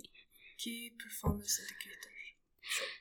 Яг ингээ нөө хувь хүний жилийн эцсийн нөгөө нэг одоо гүйцэтгэлийг гэх юм уу? Үнэлдэг тийм хурлаар орд юм шүү байгаа. Эсвэл хүн болгон дээр тийм үнэлгээ хийгддэг. Тэгэнгүүт тэрний үеэрээ ингээд хүнийхээ үнэлэхдээ Франц ажилтныг тэгж Америк компанид орсныхан дараа тэр үнэлгээ нь болсон юм байна л да. Тэгсэн чинь Америкчууд болохоор хамгийн эхлээд магтаал хэлж агаад дараа нь хамгийн сүүлд шүмжиллээ хэлдэг гинэ. Чиний ингээ энэ ч болохгүй байх гэдгийг хамгийн сүүлд хэлдэг. Тэгсэн чинь тэр Франц соёлд болохоор ерөөсөө тэгдэггүй ингээд шүүмжлэх юм байгаа бол хамгийн ингээд түрүүнд хилээд тэгэл тэрнийхээ тухай л ярьдаг. Тэгсэн чинь тэрнээс олж нүүл ойлголцол гараад нөгөө Франц эмэгтэй чи өөрийнхөө нөгөө буруу гэдгийг юусоо ойлгохгүй намаа магтаад байна л гэж бодод явддаг гэсэн. Тэгээд бүр ингээд амар том асуудал гараа. Нөгөө Америкчууд нь болохоор энэ хүн ингээ алдааг нийлээд ах чи яагаад засахгүй байгаа юм болоо гэж мэгээ. Тий. Тэгэхээр бүр ингээ Франц за за тий. Ерхийдөө тий. Ямар нэртэй ном гэсэн бэ? Culture map. Аха. Зохиолч наад санахгүй байна. Юм байна. Тий. Тий. Яг ийм ялгаанууд бас Монголын ажлын юм дээр амар гач ирдэм санагдсан байхгүй юу? Танд ер нь одоо ингээ Монголд 8 жил ажиллахад ер нь айгу хүнд хэцүү тийм нөхцөл байдал төр үүсчихсэн үү? Үгүй шүү дээ. Тийм. Би ч улсад 8 жил ажилласан. Ерөөсөө хувьд ажиллаж үзээгүй. Тэгэхээр бас жоохон яг тийм ховын үг мэдгүй ярих ах. Гэтэ улсын байгууллагад ажиллахад нөгөө дээрээс дээд шатны байгууллагаас ирж байгаа тэр даалгавар гэх юм уу, дарамт гэх юм уу те тэр нь амар хэцүү байсан. Одоо манайх жишээ нь эрүүл мэндийн яамны хариа байгууллага байхгүй юу? Тэгэнгүүт одоо эрүүл мэндийн яамнаас яамнастай яаралтай ийм ажил энийг баг өнөөдрийн дотор ингээ шууд үг мөг. Би баг ингээ сайдын үүдэнд ингээ сууж ин заяа. Би баг ингээ сайд дээр яг одоо орох гээд чи тэр юмыг ингэж хийгээд над руу ингээ явуул хатах гэж мэгэл за. Монголчуудын ер нь жоохон планинг төлөвлөлт амар муутай хүмүүс шүү дээ ер нь. Тийш жилийн төлөвлөгөө гаргах муутай тий. Жилийн ч юм уу мэйл бичиж чаддгүй хүний хувийн оронд одоо нөгөө займаа хүндэлтгүү хідэн цагт чамаагүй залгаал нэг ажил одоо хийгээд өг гэж хэлтий юм шиг байгаа. Тэнгүүд нөгөө юм бүх юм хаяад бараг хүүхд мүхтдээ бол хүүхдээ зараг өөрөө өөрөө өөрийгөө зохиолоо хайчих хаянгуудаа өөрийнхөө дараагийнхаа ажлыг хийх ёстой юм шиг Би бүр тэрийг ерөөсөө ойлгодгоо. Имэйл бичиж чаддггүй. Тэгээд шууд хүнлүү залгадаг. Тэгээ одоо англид одоо бол хүнлүү залгах чи айгу бүдүүлэг واخгүй нэг төрлийн одоо эхлээд мэйл бичнэ. Хилж байгаа залгах шүү дээ тий. Тийм, тэгж байгаа завтай өдрийг асуугаад ийм time frame-д нь цагаа алдахгүй залгаж тэгж хүний хүндэлж байгаа байхгүй. Тэнгүүд монголчууд яадаг вэ гэхээр тедэн цагт ч хамаагүй шууд нөгөө хүн ажилтаа байна уу юу хүндлэхгүй шууд залгацдаг. Би ерөөсө тэрийг адилгадаг. Хятад бас тийм байж магадгүй. Тий залгадаг уу? Тийм. Одоо би миний яг энд ирээд Австралид ирээд ажиллаж байсан компани бас хятад удирдлагатай байсан байхгүй юу? Тэгээ ихэнх ажилчид нь хятад байсан. Тэгсэн чинь тэр захирал бас шүн мөн хамаагүй шууд залгаад мессежчээд залгаад байдаг зэ шууд. Тэгээд тэр яг ажилласаа ажлын онцлогоос гэж магадгүй л байна. Гэтэл стил тэр над руу шүн залгаж байгаа. Тэгээд би тэрэнд нууцыг хариулаад тэр ажлыг гяс хийж байгаа цаг бол надад ямар ч цалин тооцогдохгүй. Монголд угаасаа илүү цаг гэсэн ойлголт байхгүй шүү дээ. Ер нь л улсын байгууллагад ялангуяа бид нар чи яг ингээд төрийн юу ажлын зэрэглэл ажиллал байдаг тийм. Яг тэр цалингаа л авна. Угаасаа төсөвт чиний илүү цаг гэж суугдаагүй. Тийм болохоор чи хэдэн цаг ажилласан яг нэг л цалингаа авна. Тэгэхээр тэгсэн мөртлөө одоо манай ажил жишээ 4:30 гэж тардаг байсан байхгүй юу. Тэгээ 4:30 гээд тарчих юм бол ингээд хүмүүс амар мухаа арч мардаг заяа. Ингээ амар дургу. Илүү л ажиллавал сайн ингээд тийм соёлтой. Илүү л ажиллах сайн. Чи 7 8 гээд гарч явж явах юм бол айгуу сайн. Тэгээ манай захирал махрал тэгж ярьдаг байсан шүү дээ. Би ингээл орой 8 8 гээл ингээл ажиллаад харахад манай тэр хоёрын ингээл цонх гэрэлтэй бийж идэг. Тэр хоёр л ингээ хамгийн сайн ажилтнууд мажилтнууд гэж ярьдаг заяа. Тэгсэн мөртлөө тэр хоёрынхоо тэр хөдөлмөрийг компенсейт ерөөсөө хийхгүй, цалин нэмэхгүй. Зүгээр сайн л гэж ярих тийм зүгээр ингээд нэг тийм нэг худлаа шагнал магнал өгдөн штэ Монголд ч юм. Гэтэ тэр нь яг яваа яваандаа сайн ажилтан гээд тушаал нь нэмэгдэн нэмэгдэн гэж ойлголт байхгүй юу? Бараг байхгүй дээ. Тушаал нэмэгдэн гэдэг чинь зүгээр жилээрээ шийдэгдчихдээ штэ. Тэдэн жил ажилласан бол чиний зэрэглэлч одоо би жишээ нь туушуугийн 2-1 гэдэг зэрэглэлээр ажилладаг байсан байхгүй юу? Дөрвөн үйлчлэгээний шинжилгээ ухааны байгууллага. Тэгээ 2-1 гэдэг нь болохоор би эрдэм шинжилгээний ажилтан. Тэгээд дөнгөж орсон гэдэг. Хоёрын хоёр руу яаж орох вэ гэхээр 5 жил лөө 7 жил ажилласны дараа хоёрын хоёр руу орно. Түүнээс чи тэр хугацаанд сайн ажилласан уу, муу ажилласан уу хинт ч хамаагүй. Халан мална гэж байна хална гэж байна л да. Гэтэ бүр. Бүр чи ажилдаа ирэхгүй бүр ингээд амар муу ах юм бол халах дээрээ толгох зүс. Хэр баргийн нэг бас хүн халахгүй тий. Гайгүй штий. Тэр хүний гүйцэтгэлийг ерөөсөө үнэлж чаддаггүй байхгүй. Яг үнэ efficiency яахгүй юу? Одоо 3 цагийн ажлыг нэг цагт хийж сурахын тулд хүн амар хөдөлмөр гаргадаг. Тэнгүүт э, тэрийг нь үнэлэхгүй мөртлөө удаан суугаад байгаа хүмүүсийн үнэлэх үнэлэн гэдэг чинь амар сонирмохгүй юу? Тэрийг муутай л хүн байгаа шүү дээ. Уг нь болол. Тийм. Тийм. Тэнгүүд нэг ажлыг одоо за нөгөө өөрийнх нь problem solving skill айгу сайтай байлаа гэж бодоход эмийг айгу өөр талаас нь хараад айгу хурдан болгоод өгч байгаа хгүй. Тэнгүүд тэр нь ямар процесс тэр хүн ямар скил ингээд оруулаад энэ ажлыг ингэж бага хугацаанд хийж байгаа гэдгийг нь үнэлэхгүй мөртлөө одоо ингээл аль болох юмыг drag хийгээл те 3 цагийн ажлыг 6 цагийн дотор хийгээд ингээд яадаг хүмүүс илүү ингээ хүмүүст илүү итгэвтэй хичээнгүй юм шиг харагддаг. Тэр надад айгүй хэцүү байдаг. Нэг тийм соёлын хувьд жоохон нэг тийм цаг үрээд байгаа юм шиг би жаа яараа хүмүүнийг хэлэх үү хоол моолоо баг 5 минутын дотор идээд тасчихдаг. Тэнгүүд ийм удаан ийм ингээд ядаг хүмүүс байх тэгцтэй л байд юм шүү. Гэхдээ надад ингээд хурдан гяс гяс байвал ингээд зүгээр санагтаад идэг байхгүй юу? Efficient гэх юм уу? Та хоёрын хувьд одоо ажил ажил дээрх соёл нь ийм учраас төрийн ажил урагшлахгүй яваад байгаа нэмтэй холбоотой юу гэж үгээ. Тийм Монголд нөгөө нэг тэр гүйцэтгэлийг үнэлэх систем айгүй муутай. Одоо бид нар жишээ нөгөө жилийн эцэст ингээл тайлан майлан яг өөхөн өгөн л дөө. Гэтэ тэрийг ингээ үнэлээ чи энэ жил муу ажилласан байна мэн гэхгүй юусоо. Тэрийг баг хардаг ч юм уу, хардггүй ч юм уу мэд заяа. Миний бичиж өгсөн тайлан. Яг тэр тухайн албаны тайлан харна. Тэр алба чинь нөгөө жилийн ихэнд нэг зорилт тавьсан байгаа шүү дээ. Тэдрээгээ хэр биелүүлсэн бэ гэд Тэгээ тэр нь нөгөө нэг байгууллагын тайланд орно.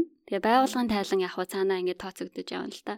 А тэгтээ тэрийг хин хийсэн нь юусэн хамаагүй. Тэр алба жишээ нь 10 хэдэн хүнтэй байлаа гэхэд 2 хүн нь ажиллаа хийгээд бусны хийгээгүй байхад тэр хинч мэдэхгүй. Тэгэхээр ингээ хувийн дээр гүйцэтгэл тооцдоггүй. Тэр хяналт шалгалт муутай л одоо ингээд л улсын байгууллагын хамгийн том суултал юм шигсэн тэгээд. Төрийн байгууллага гэхэлтгөө ер нь Монгол байгууллага одоо том том байгууллага би нэрийг хэлж чихээр дараа нь сүйд нөгөө нэг э, болж магадгүй учраас нэрийг тийм ер нь сонсоход аюу том компани тахгүй Монголын. Тэр компанид ингээд гарын үсэг зурх нь бүр ингээд амар хэцүү байдаг. Одоо хүн ownership авчиж байгаа гэсэн үг гарын үсэг зурчаар. Тэнгүүд аль болох гарын үсэг зурхгүй ингээд avoid хийгээд яваад идэг гэдэг гэж байгаа байхгүй. Тэнгүүд одоо хэрэг нэг бичиг баримт дээр гарын үсэг зурцсан байлаа гэхэд тэр нь тэр үедээ асуудал болохгүй. Тэнгүүд 3 4 дээр жилийн дараа тэр гэрээнд хэний гарын үсэг байна гэдэг нь ухтаж гарч ирэнгүүт нөгөө өөрсдөө асуудалд орчих учраас ерөөсөө хамаагүй зурдггүй гэдгсэн. Таних одоо жишээлбэл тиймэрхүү одоо гарын үсэг зурах муурах иймэрхүү юмнууд дээр ер нь хүмүүс хэр хүлээж авд юм бол. Улсын байгууллагад гэхдээ одоо жишээ нь манай байгууллага гарын үсэг манай албаны даргаал зурдаг гэсэн. Бид нар бол зүгээр л нөгөө байгууллагын дотор ашиглагдах нэг зүгээр ингээд дотоод бичиг баримтан дээр л гарын үсэг яг зур нөгөө боловсруулсан гэдэг утгаараа. Түүнээс ч том том юман дээр байгууллагын захирал зурдаг байсан. Тэгэхээр тэгэл биднэрт бол тэр нь их ерөөсөө юу ч болж ирэхгүй дээ. Бараг тэр захирал дээр ч бараг юм болж асуудал борж бараг ирэхгүй. Ер нь нөгөө нэг юмны хайнаас ингэж хөөдөг систем байхгүй. Хин дээр ч хариуцлага тооцогддоггүй. Одоо тэр э, сүүл болоод байгаа юм болол шүү дээ. Одоо тэр газар олох ёсгүй газар газар олгоцсон гэл тэгсэн чинь хин гарын усаа зурсан яасан юм олдохгүй л яваад байгаа юм шүү дээ. Тийм албанд бол. Тэгээ сая бүр тэр боловсролын зээлийн сангаа сангийн асуудлаар ч гэсэн тэгсэн мэт дээ. Тэрний үед тим тим бичиг баримт ингээд олон хүн тэнцээд хурамчаар бичиг баримт үлдсэн байна гингүүд архив алдцсан ч гэж байгаа шиг дээ тэгэж яриад читэрч байгаа юу гэсэн. Айгу хурдан үргэлж цаасаар авч идэм үү эсвэл ямар ямар дээр үеийн архивтай болоод нөгөөдөл нь бүгдээ бүх юм нь алга болоод байгаа нь ойлгомжгүй. Тэр угаасаа ингээд юусоо тийм хариуцлага таацдаг юм юу ч байхгүй. Тийм учраас хүмүүс ингээд юу ч хийхээсээ ингээд айхгүй байгаад байгаа байхгүй хариуцлага хууль нь үйлчлэхгүй байгаа юм чинь. Тий. Тэгшүүрчлэхгүй болохоор. За подкастны ихэнд хэлсэн шүү дээ. Анх багч маань юу яасан? Австралийн Awards-аар Австралийн тэтгэлэг аваад ирсэн гэдэг цагаа. Тэгэнгүүт энийг сонсоод хүмүүс бас сонирхож магадгүй хальт тавчхан нэг мэдээлэл тийм үү одоо сайтн дээр нь л угаасаа бүх мэдээлэл нь байгаа л ах л та. Тэнгүүд яг хүмүүс одоо над шиг айгаад ч юм уу тий. Угаасаа unapproachable тий. Би угаасаа авчдаггүй гэж боддоод явдаг хүмүүс ч юм уу нэг хальт хүрэхээр одоо мэдээлэл өгвөл. Аха за тэгээ Australia Awards ер нь одоо байгаа Монголд зарлагдж байгаа тэтгэлгүүдээс хамгийн generous тэтгэлэг гэж явдаг байхгүй юу? Маш их одоо тэтгэлэг хүртэгчтэй ингээ маш их юмыг зарцуулдаг, хөрөнгийг зарцуулдаг, сургалтын төлбөр төлнө, ирж очих зардал төлнө, энжээ байдаг нөгөө оюутны эрүүл мэндийн даатгал төлнө, дөнгөж анх ирэхэд суурьших зардал гээд тодорхой мөнгө өгөн тэр нь 5000 доллар өгчээсэн биднэрт. Одоо энэ ингээд revise хийгдээд бас ингээд өөрчлөгдөж явдаг баг. Тэгээ стипенд өгнө 2-7 хоног тутамд. Тэгэхээр ер нь бол чамааг ингээд юунд ч ингээд санаа зовхгүй хинчээ яг хичээлээ хийлэхт ч зориулаад бүх юмыг ингээд нөхцөлийг бүрдүүлсэн маа гэсэн үг. Тийм. Ямар ч ажил хийх ямар ч шаардлагагүй юм шүү дээ, тий. Стипенд нь яг нөгөө нэг одоо энэ амжиргааны хамгийн доод түвшин биш үү? Яг тэрүүгээр л тооцогдож байгаа гэсэн үг. Тий, саяхан бас нэмэгдсэн. 10 жил ерөөсөө өөрчлөгдөөгүй байжгаад сая бас жоохон нэмэгдсэн. Тэгэхээр ер нь бол яг ингээ оюутны байрандаа ч юм уу амьдраад хүнтэй ширлээд а түүнээс ганцаараа ингэж амар апартмент төр түрээслэх боломжгүй л дээ. Зүгээр хүнтэй хамт ингээ шэр румд амьдраад эсвэл оюутныхаа доормд амьдраад зөвхөн хичээлээ хийгээд явах бүрэн боломжтой. Заавал илүүдтэй ажил мажил гэхгүй. Тэгээ тийм амар юу тэтгэлэг, generous тэтгэлэг байгаа. Хүмүүс тэгээд харин учрал шиг ерөөсөө тэрний талаар боддог ч юм шиг үлээ. Яагаад тэгвэл ямар ч байсан eligibility criteria буюу нөгөө анхан шатны тийм шалгуур нь байгаа. Тэр нь болохоор ямар нэгэн байгууллагад 2 жил ажилласан байх хэвээр. Тэгэхээр нөгөө тийм Монголдо нөгөө шууд төгсөөд хүн байж болохгүй гэсэн үг. Тэгээд төгснөхийн тийм бакалаврынхаа дараа л юм билээ шүү дээ. Тийм бакалаврынхаа дараа. Тийм дундуур мундуур нь 2 жил 2 жил одоо ажилласан над чиг хүн бол юу тэрэнд орж болохооргүйс би судалсан. Тийм тэгэхээр just so you know people. Тийм. 2 жил ямар ч байсан нэг байгууллагада бас гихгүй ямар ч байсан нөгөө нийгмийн даатгалын нэвтрээр чинь нөгөө баталгаажуулах учраас тэр нь тасраагүй 2 жил ажилласан байх хэвээр. А тэгээд тэтгэлэг хүртэгчд нь тухайн жилийнх нь 50% нь улсын байгууллагаас 50% нь нөгөө хувийн салбараас тэнцдэг байхгүй юу? А тэгэхээр тэр утгаараа нөгөө хувийн байгууллагуудын орж ирж байгаа хүмүүс амар тийм өрсөлдөө ихтэй байдаг гэж би сонссон. Би болохоор нэг улсын байгууллагаас тэмцсэн байхгүй юу. Тэгэхээр улсын байгууллагад ажилладаг хүмүүс арай бага гэдэг юм уу яа. Тэгээд тэр нэрээ өрсөлдөөн багтаа байдаг гэсэн. Тэгээд сая сонсохны энэ 20 2024 онд ирэх хүмүүс 15 хүн тэнцсэн мөлий. Миний тэнцдэг жил 10 хүн л тэнцэжсэн. Энэ нөгөө ковидоос болоод хүнийхэнтэй ирс буурсан 22 өлөө 21 оноос өмнө бүр ингээд 50 8 хүн тэнцдэг байсан байгаа байхгүй юу? Тэгэхээр ер нь боломж гайгүй ихтэй тэгээд нөгөө аль жилд өгч байгаагаасаа бас нөгөө хинтээ өрсөлдөж байгаа гэдэг чинь бас янз янз байгаа штэ тий. Би анх 2018 онд өгчсэн байхгүй материалаа. Тэгээд тэр жилдээ тэнцээгүй. Тэгээ би тухайд нөгөө яг лабораторийн яг нарийн чиглэлээрээ яг биотехнологийн үйлдвэрлэлийн чиглэлээр сурна гэж өгчөөсөн. Тэгээ тэнцээгүй тэр э, сурах гэж байгаа бас салбар нь нэлээ priority салбар гэж бас байгаа тий. Тэрийг айгүй их хартаа юм шиг санагдсан. Би тэгээ одоо нөгөө public health-ээр сурна. Дээрээс нь нөгөө research master хийнэ гэсэн болохоор тэр маань жоохон даваад л болсон баг. Тийм. Тэгээд ер нь өөртөө яг судлаад Australia Awards цэг org гэдэг баха. Яг вебсайтыг нь ороод бүх мэдээлэл авах юм бол маш их мэдээлэл байгаа. Тэгээ жил болгон 2 сарын 1-ээс зарлагдаад 5 сарын 1 хүртэл зарлагддаг. Тэгэхээр бол 3 сар байгаа байхгүй юу? Тэрэлээ хугацаанд. Тий. Тэгээ бол маш гоё тэтгэлэг шүү бүгдээрээ материалаа өөрөө. Nice, nice. Надад нэг амар ойлгомжтой байлаа. Тийм, надад нэг жоохон хэцүү санагдсан юм төгсчөөд заавал буцах ёстой гэсэн. Аа тийм. Энэ тэтгэлгийн маа нөгөө гол утга учир нь Монгол улсаа хөгжүүлнэ гэсэн маш том зорилготой бүгдээр ирж байгаа байхгүй юу? Энэ тэтгэлэг тэнцэж байгаа хүмүүс маань. Тийм бүгд салбар салбартаа нөгөө тодорхой ингээд ажилласан туршлагатай тий юу болох байгааг нь мэдсэн. Одоо яг яавал зүгээр юм гэдгээрээ reintegration plan гэж үгөөсөө бичиж өгдөг байхгүй. Тэр нь болохоор Монголд буцаж очиод би энэ Австрал сурч сурч мэдсэн зүйлсээ ингэж ингэж шин одоо хөтөлбөр хэрэгжүүлэн ч юм уу те би ингэж мэдлэгээ түгээн ажил одоо ажлынхантайгаа хамт ийм ийм сургалт би орн морон ч гэдэг юм уу те reintegration plan гэж хийгээд тэрийгээ ингэж гар үсэг мүсгээ өөрөө зураад баталгаажуулдаг гэсэн үг те тэрийн дараа нь бас асууна тэтгэлгийн газраас. Тэгээ Австралид 2 жил сураад яг магистрат төгсчөөд заавал буцаж авах хэвээр. Виз нугасаа no further stay гэдгээрээ гардаг байхгүй. Тэгэхээр энд ч үлдэх боломжгүй. Тэгээ Монголд очиж ажиллаад угаасаа энэ их өндөр төлбөрөөр сурсан юм чинь тэрийгэ буцаагаад ашиглах гэх юм уу. Үгүй бусдад түгээх хэвээр. Тийм тэгээд тухайн салбартаа хувь нэмэр оруулах хэвээр. Тийм. Бас л нөгөө том хариуцлага хүлээсэн. Хөлтэй байж байгаараа хараад үү. За тэгээ. Эм одоо ахмаа хичээн маань хийж байгаа нөгөө нэг research нь юуны талаар гэдгсэн бэ? Вау, нэр тэрнийхэн талаар яриулаа юм тий. Тий. Одоо миний хийж байгаа research болохоор хүүхдийн хөгжилтэй холбоотой moment behavior гэдэг одоо ойлголт шинээр үүсэж байгаа байхгүй юу? Энэ дэлхийд тагнаа. Монголчууд маань бас л хоцрогдсон л яваа энэ тал дээр. Сөгөл үг байна. Монголчуудын нөгөө нэг одоо тулгамдж байгаа асуудал нь нөгөө өнөөхөл infectious disease, disease гэлтэй. Яг нөгөө халдвар төвчин бүр ингээл аминд яг одоо ингээл хүрэх эрсдэлтэй тиймэрхүү юм тагаал одоо ингээд зуралцаар л байгаа. Тэнгүүд одоо нөгөө бусад хөгжингүү орнууд маань амьдралын юм аягтай холбоотой өвчлөөс урчлан сэргийлэх тал руу амар анхаарал эхэлсэн. Тийм тэгээд moment behavior гэдэгт болохоор хүн ер нь ингээ 24 цагийн хугацаанд ингээ бодох юм бол 8 цагт нь сэрүүн байгаад 8 цагт нь шүү дээ тий. Аа тэгээд бусад 8 цагт нь одоо тий ажил мэжлээ хийгээд тэгэнгүүт тэр хугацаа чинь унтах аа ингээд босоогоороо одоо суух Тэгээд ингээ алхаж малхахгүй physical activity хийх. Аа тэгээд суугаа байх буюу sedentary behavior гэдэг ингээд хуваагдаж байгаа байхгүй. Тэг ер нь энийг судлана гэсэн. хүүхдийн хувьд. Тэгээд 24 цагийн хугацаанд хүүхдүүд хідэн цагт нь унтах хэрэгтэй юм, хідэн цагт нь одоо physically active байх хэрэгтэй юм. Хідэн цагт нь тэр одоо screen time байх хэрэгтэй юм гэдгийг дэлхийн эрүүл мэндийн байгууллагаас сүүлд ингээд тогтоогоод өгсөн. Тэр нь бас судалгааны үндсэн дээр ингээд гайдлайн гаргацсан байгаа байхгүй юу? Тэгээ би болохоор миний судалгааны гол зорилго нь Монгол хүүхдүүдийн тэр одоо movement behavior ямар төвшөнд байгаа юм. Аа тэгээд тэр нь эргээд хүүхдүүдийн тэр cognitive function буюу одоо сэтгэн бодох тэр үйл ажиллагаа тий.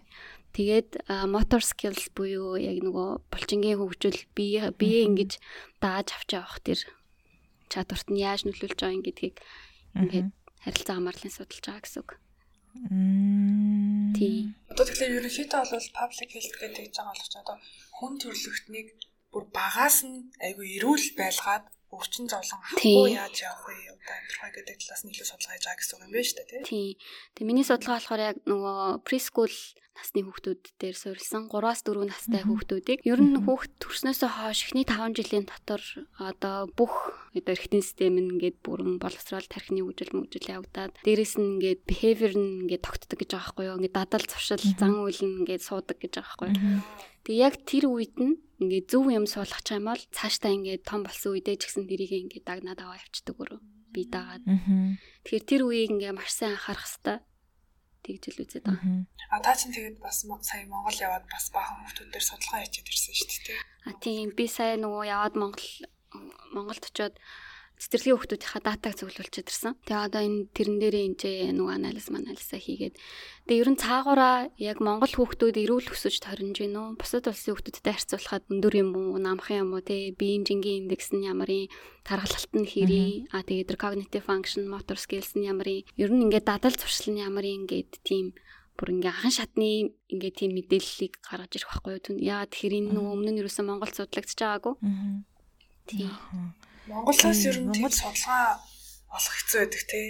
Нэг тийм олон төрлийн гой судалгаа. 12 12-оос нөө статистикийн орооноос л гаргасан судалгаанууд л accessible байдаг болохоос ер нь яг тийм мэрэгжлийн одоо бенчмарк аваад явчих тийм судалгааны юу айгүй цөөхөн л төө. За одоо тэгвэл ингээд судаллаа баахан судаллаа. Та тэгээд Монгол хүмүүсийг очиж судалсан юм байна, дата авсан юм байна. Энэ дээрээ дүгнэлт мөнгөлт энэ төр гой сонирхолтой дүгнэлт энэ төр хийсэн юм болов. Манай Монгол хүмүүс маань яаж эрүүл байна уу, эрүүл биш вэ нөө яаж яана ер нь. Одоогор нөгөө миний судалгаараа дуусаг байгаа болохоор эхний л үр дүн гарч байгаа. Тэг яг хөө тэрний дагуу харах юм бол 10% орчим нь тархалттай гэж гарч байгаа. Энэ маш өндөр байхгүй юу? Бусад улс оронтой. Тий, тий. 10% тархалттай гэж гарч байгаа. Тэгээ энэ тархалт чинь хамгийн гол нь сүүлийн үед маш их нэмэгдэж байгаа. Тэгээд бага насантай тархалттай хүүхдүүд тэг тэр нь ингээ томрох тусам ингээ хадгалагдаад яваад байдаг. Тарган хийвэрээ. Үгүй харин энэ бас айгу буруу ойлголт. Монголчууд нөгөө жоохон хүүхдийг ингээ жоохон ингээ бондгор бондгор ч юм уу те махтаахаар ингээ дуртай байдаг шүү дээ. Амар хөөрхөн мөрхөн гэл. Тэр нь бас эргээд ингээд муу байгаа хгүй юу? Тэр хүүхдэд ингээд хооллоор шахдаг ч юм уу те. Тэгэнгүү тэр нь ингээ хадгалагдаад тэгээд янз янзын өвчнөө суурь. Одоо ер нь таргалт чинь бүх өвчнөө суурь болоод шүү дээ. Диабетис. Тэрийн шижингээс ахуулаад зүрх судасны өвчин өвчин гэл канцер мэнсер хүртэл. Тэгэхээр одоо таргалалт гэдэг нь яг ямар жин хэлээд байгаа? Одоо наснаас наваад насны хүүхдэд бол А тэр болохоор томьёогоор тодорхойлогдно. Яг тэдэн килограмм гэж хэлэхгүй. Тийм, өндөр жин хоёрыг харьцуулаад биеийн жингийн индексийг гаргана гэсэн үг. Тэгээ тэр нь нас насандаа ингээд юм юу байгаа байхгүй юу? Үзүүлэлтүүд байгаа. Тэгээл тэр үснэгттэйгээ харьцуулаад харахаар энэ хүүхэд таргалттай байна уу, хэвийн жинд байна уу, тураалтай байна уу гэдэг ингээд гараад ирнэ гэсэн үг. Тий. Манайхан 10% 10% таргалтайгаа. Тэгээд бусад нөгөө танин мэдхүү үзүүлэлтүүд тэгээд нөгөө беби алдрын хөгжил нь болохоор яг хэвээ. Тэгээ яг ганц хоёр би одоогоор нэг 200 хүүхдийн л татаад байгаа байхгүй. Тэрнээс нэг цөөхөн идүү хүүхд нь одоо яам аль нэг юмараа жоохон бусдасаа баг оноо авсан ч юм уу те би би чинь дандаа нөө assessment хийж байгаа. Тэгээ тэд нар дээрээ нөгөө оноогоор үнэлээ авчдаг болохоор оноо нараа баг авсан авсан ч юм уу тийм хүүхдэд байгаа. Гэхдээ тэр нэг амар тийм critical биш. Тий. Нэг амар тийм бүр анхаарад ээж авт нь хилээд ч юм уу те энэ хүүхд чи энийг ингээ хийж чадахгүй байна гэдэг тэр очихгүйц тийм амар биш. Тэгэхээр ер нь одоохондоо хэвэн байгаа. Гэхдээ 80% нь баг screen time-а хэтрүүлдэг. Өдөрт нэгээс илүү цаг screen time. Энд гэхдээ зөвхөн Монгол гэлтгүү дэлхийд даяараа хүүхдүүд ер нь тийм. Дэлхийд даяараа тийм болсон. Ялангуяа ковидоос хойш нэлийн амар болчихлоо шүү дээ. Бүх цэцэрлэгийн хичээл нь хүртэл телевизээр ороод чах шиг. Тэгээ дэлхийн эрүүл мэндийн байгууллагаас гаргасан тэр скрин таймынхаа хугацаа маань хүүхдэд хэд гэж заасан. Бас нас наснараа янз янз. Бүр жоохон хүүхдэд болохоор огт үзүүлэхгүй гэж байгаа. Бүр нөгөө нэгээс доош насны хүүхдэд Аа тэгээд тэрнээс дээш нэг 30 минут зөвшөөрөгдөн. Аа тэгтээ тэр нь ингээ үргэлжилсэн 30 минут биш бүтэн 24 цагийн хугацаанд ингээд 5 минут чамаагүй үзэх юм бол ингээд тоологдоод явна гэсэн үг тэр нь нийлбэрээрээ 30 минут. Тэгээд яг 3-аас 4 настай хүүхдүүдийн хувьд 1 цаг гэж үзэж байгаа. Аа. Тий. Тэгээ бүгд хэтрүүлдэг гэсэн үг. Аа тэгээд screen time-ийн нэг аюултай юм ингээ ихэвчлэн хүүхдүүд ч нөө суугаагаараа үздэг штэ тий. Тэгэнгүүт тэгэл нөгөө тархалт үүсгэн хөдөлгөөнгүй байдалд үүсгэн гээл тэгээд тэр нэг цаг ч юм уу хоёр цаг үзэж байгаа screen time үзэх үзгийнхаа хооронд янз янз снэк иддэг. Тий, тэгээ дайет нь буруу. Эсвэл нөгөө хооллох үеэрээ телевизэн хасаалттай байлгадаг ч юм уу те. Бид нар нөгөө хажуугаар нэцэн ихээс нь асамж авахад тийм гэр бүл айгүйх байсан. Телевизэр нь бараг ингээд өдөржингөө хасаалттай байж идэг. Одоо тэгтээ телевизээр гой гой юм гардаг болчихсон. Намайг жоохон бахад чинь телевизээр тэр хөлийн эвэр үргэж нэг л амар болдог байсан. Тэгснэ тэр эргэдэг шалны мод зод гэл нэг эргэж сэгсэрдэг. Тэр хоёрын реклам л бүр байн гараад тэрийг үзээ тэрнтэй энтертейн талаас ичдэг гэсэн шүү дээ. Тэгэл дүүнартайгаа зодтолдож тоглол дүүнэрээ хувц мот өмсөж нүр мөрийг будж байгаа ингээл сталаа итэг. Тийм л хөдөлгөөнтэй байсан баха бид нар л яриа багтаа. Тийм. Тийм өөр юу юу хийх тэр хөлийн ивэр өргөчийг өдөржөнгөө л үзэж суухгүй шүү дээ угаасаа тэгээд. Тийм л. Одоо тэгээ хүүхдүүд э, зүгээр ингээд телевизэр үзээд 2 цаг суухахаа оронд гадаа гараад хоорондоо хөөцөлтөөд ч юм уу те эсвэл өөр юм хийгээд тоглож исэн бол хамаагүй илүү тархин хөгжинө гэж үзээд байгаа байхгүй. Тэгэхээр тэр ингээ алдагдсан боломж гэж үзээд илүү потенциалтай хүрч чадахгүй тэр нь хэмжээндээ хүртэл хөгжиж чадахгүй байна гэд тэгж үзээд байгаа. Screen time-ын гол аюултай юм. Аа. Тэнгүүт нөгөө Монголд одоо яг хүүхдүүд гадаа гараад аюулгүй тоглох тэр талбайд байна уу гэдэг дээр л асуудал байгаа дээ ш. Тэнгүүд за за бид нар одоо ингээд ерөнхийдөө судалгаагаар ингээд дийний хөгжил биений хөдөлгөөн аюул чухал юм байна гэдэг дүгнэлт хийчлээ. А тэнгүүд Монгол улс тэрийг нь яаж хангаж өгөөд байгаа гэдэг нь ойлгомжгүй юм уу? Одоо Монгол тийм тийм нөгөө мөнгөн тийм одоо тэр мөнгөн санхүүжилттай тэдний хангагдах гэхээр одоо бас айгүй хэцүү. Дээрээс нь хүн эд чинь одоо ганцхан ийм төсөл мөсөл одоо хөгжүүлэлт ингээ хийгээд явахаар оролцож байгаа хүмүүс нь нөгөө за би одоо оролцлаа гэхэд тэндээс мөнгө авлаа гэхэд хариуцлага тооцох тэр газар нь яг ингээд ажиллаа хийхгүй ч юм уу те тэнгууд би давраад байгаа байхгүй. Юмыг ингээл тэгэд ийм төслүүдэд оролцоод яваад байгаа мөртлөө яг хийж бүтээсэн юм байхгүй зүгээр ийм хоёрын хооронд юм хийгээл те. Тэр бүр амар судалгааны үр дүн ер нь яг практикт нэвтрүүлнэ эсвэл нөгөө бодлогын төвшөнд яг бодлогын бичиг баримтанд оруулна гэдэг чинь өөрөө бас амар том асуудал гэдэг байхгүй юу?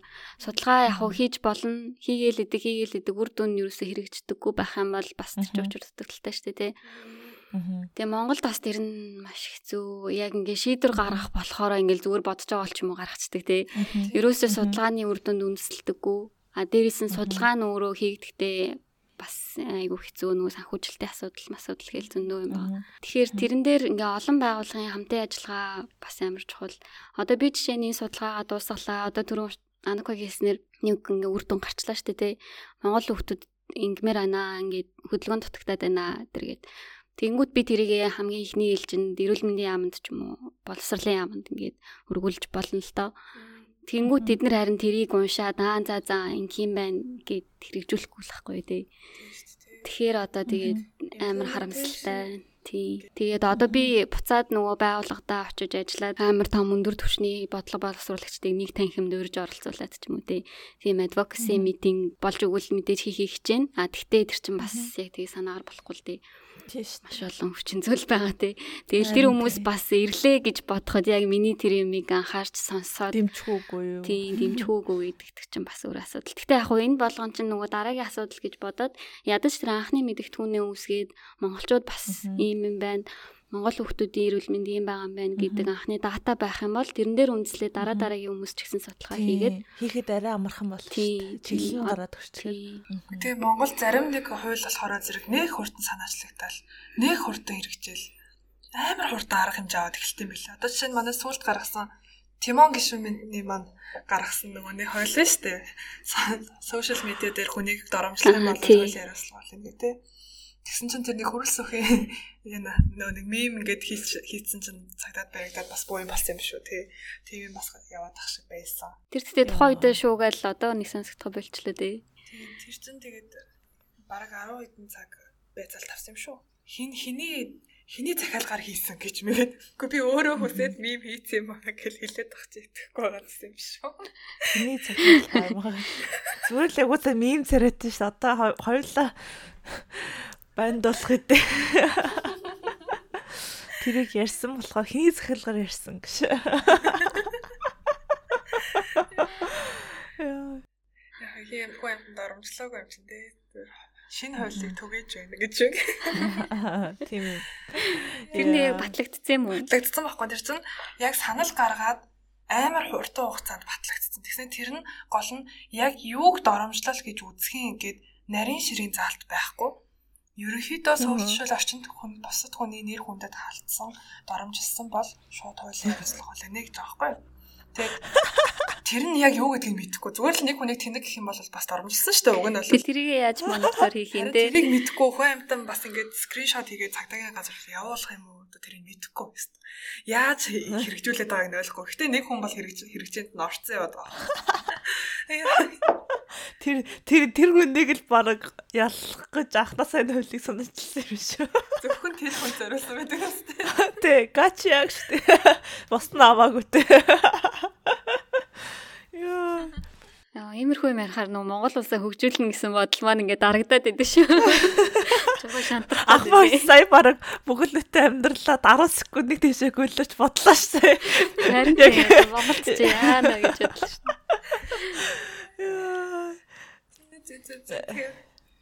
Хүүхдүүд би нэг удаа тийм нэг удаа кофе шопт кофега хүлэнгээ ангарахтаа цог суужсэн аахгүй уцаа оролтоо. Тэгээд нэгэн сууд хүлээж байгаа их гээд суудал дээр битээ ширэндээ суудсан. Тэгээ би чинь угаасаа жоохон эргэтэлэгдэх байхгүй. Тэгээ би юм өмд өмссөн байж байгаад би ингээд өмд өмссөн байж байгаад ингээд одоо нөгөө хөлөө нийлүүл цухгүй ингээд одоо салгаа суцсан аахгүй эргэтэй хүмүүсүүд штэ.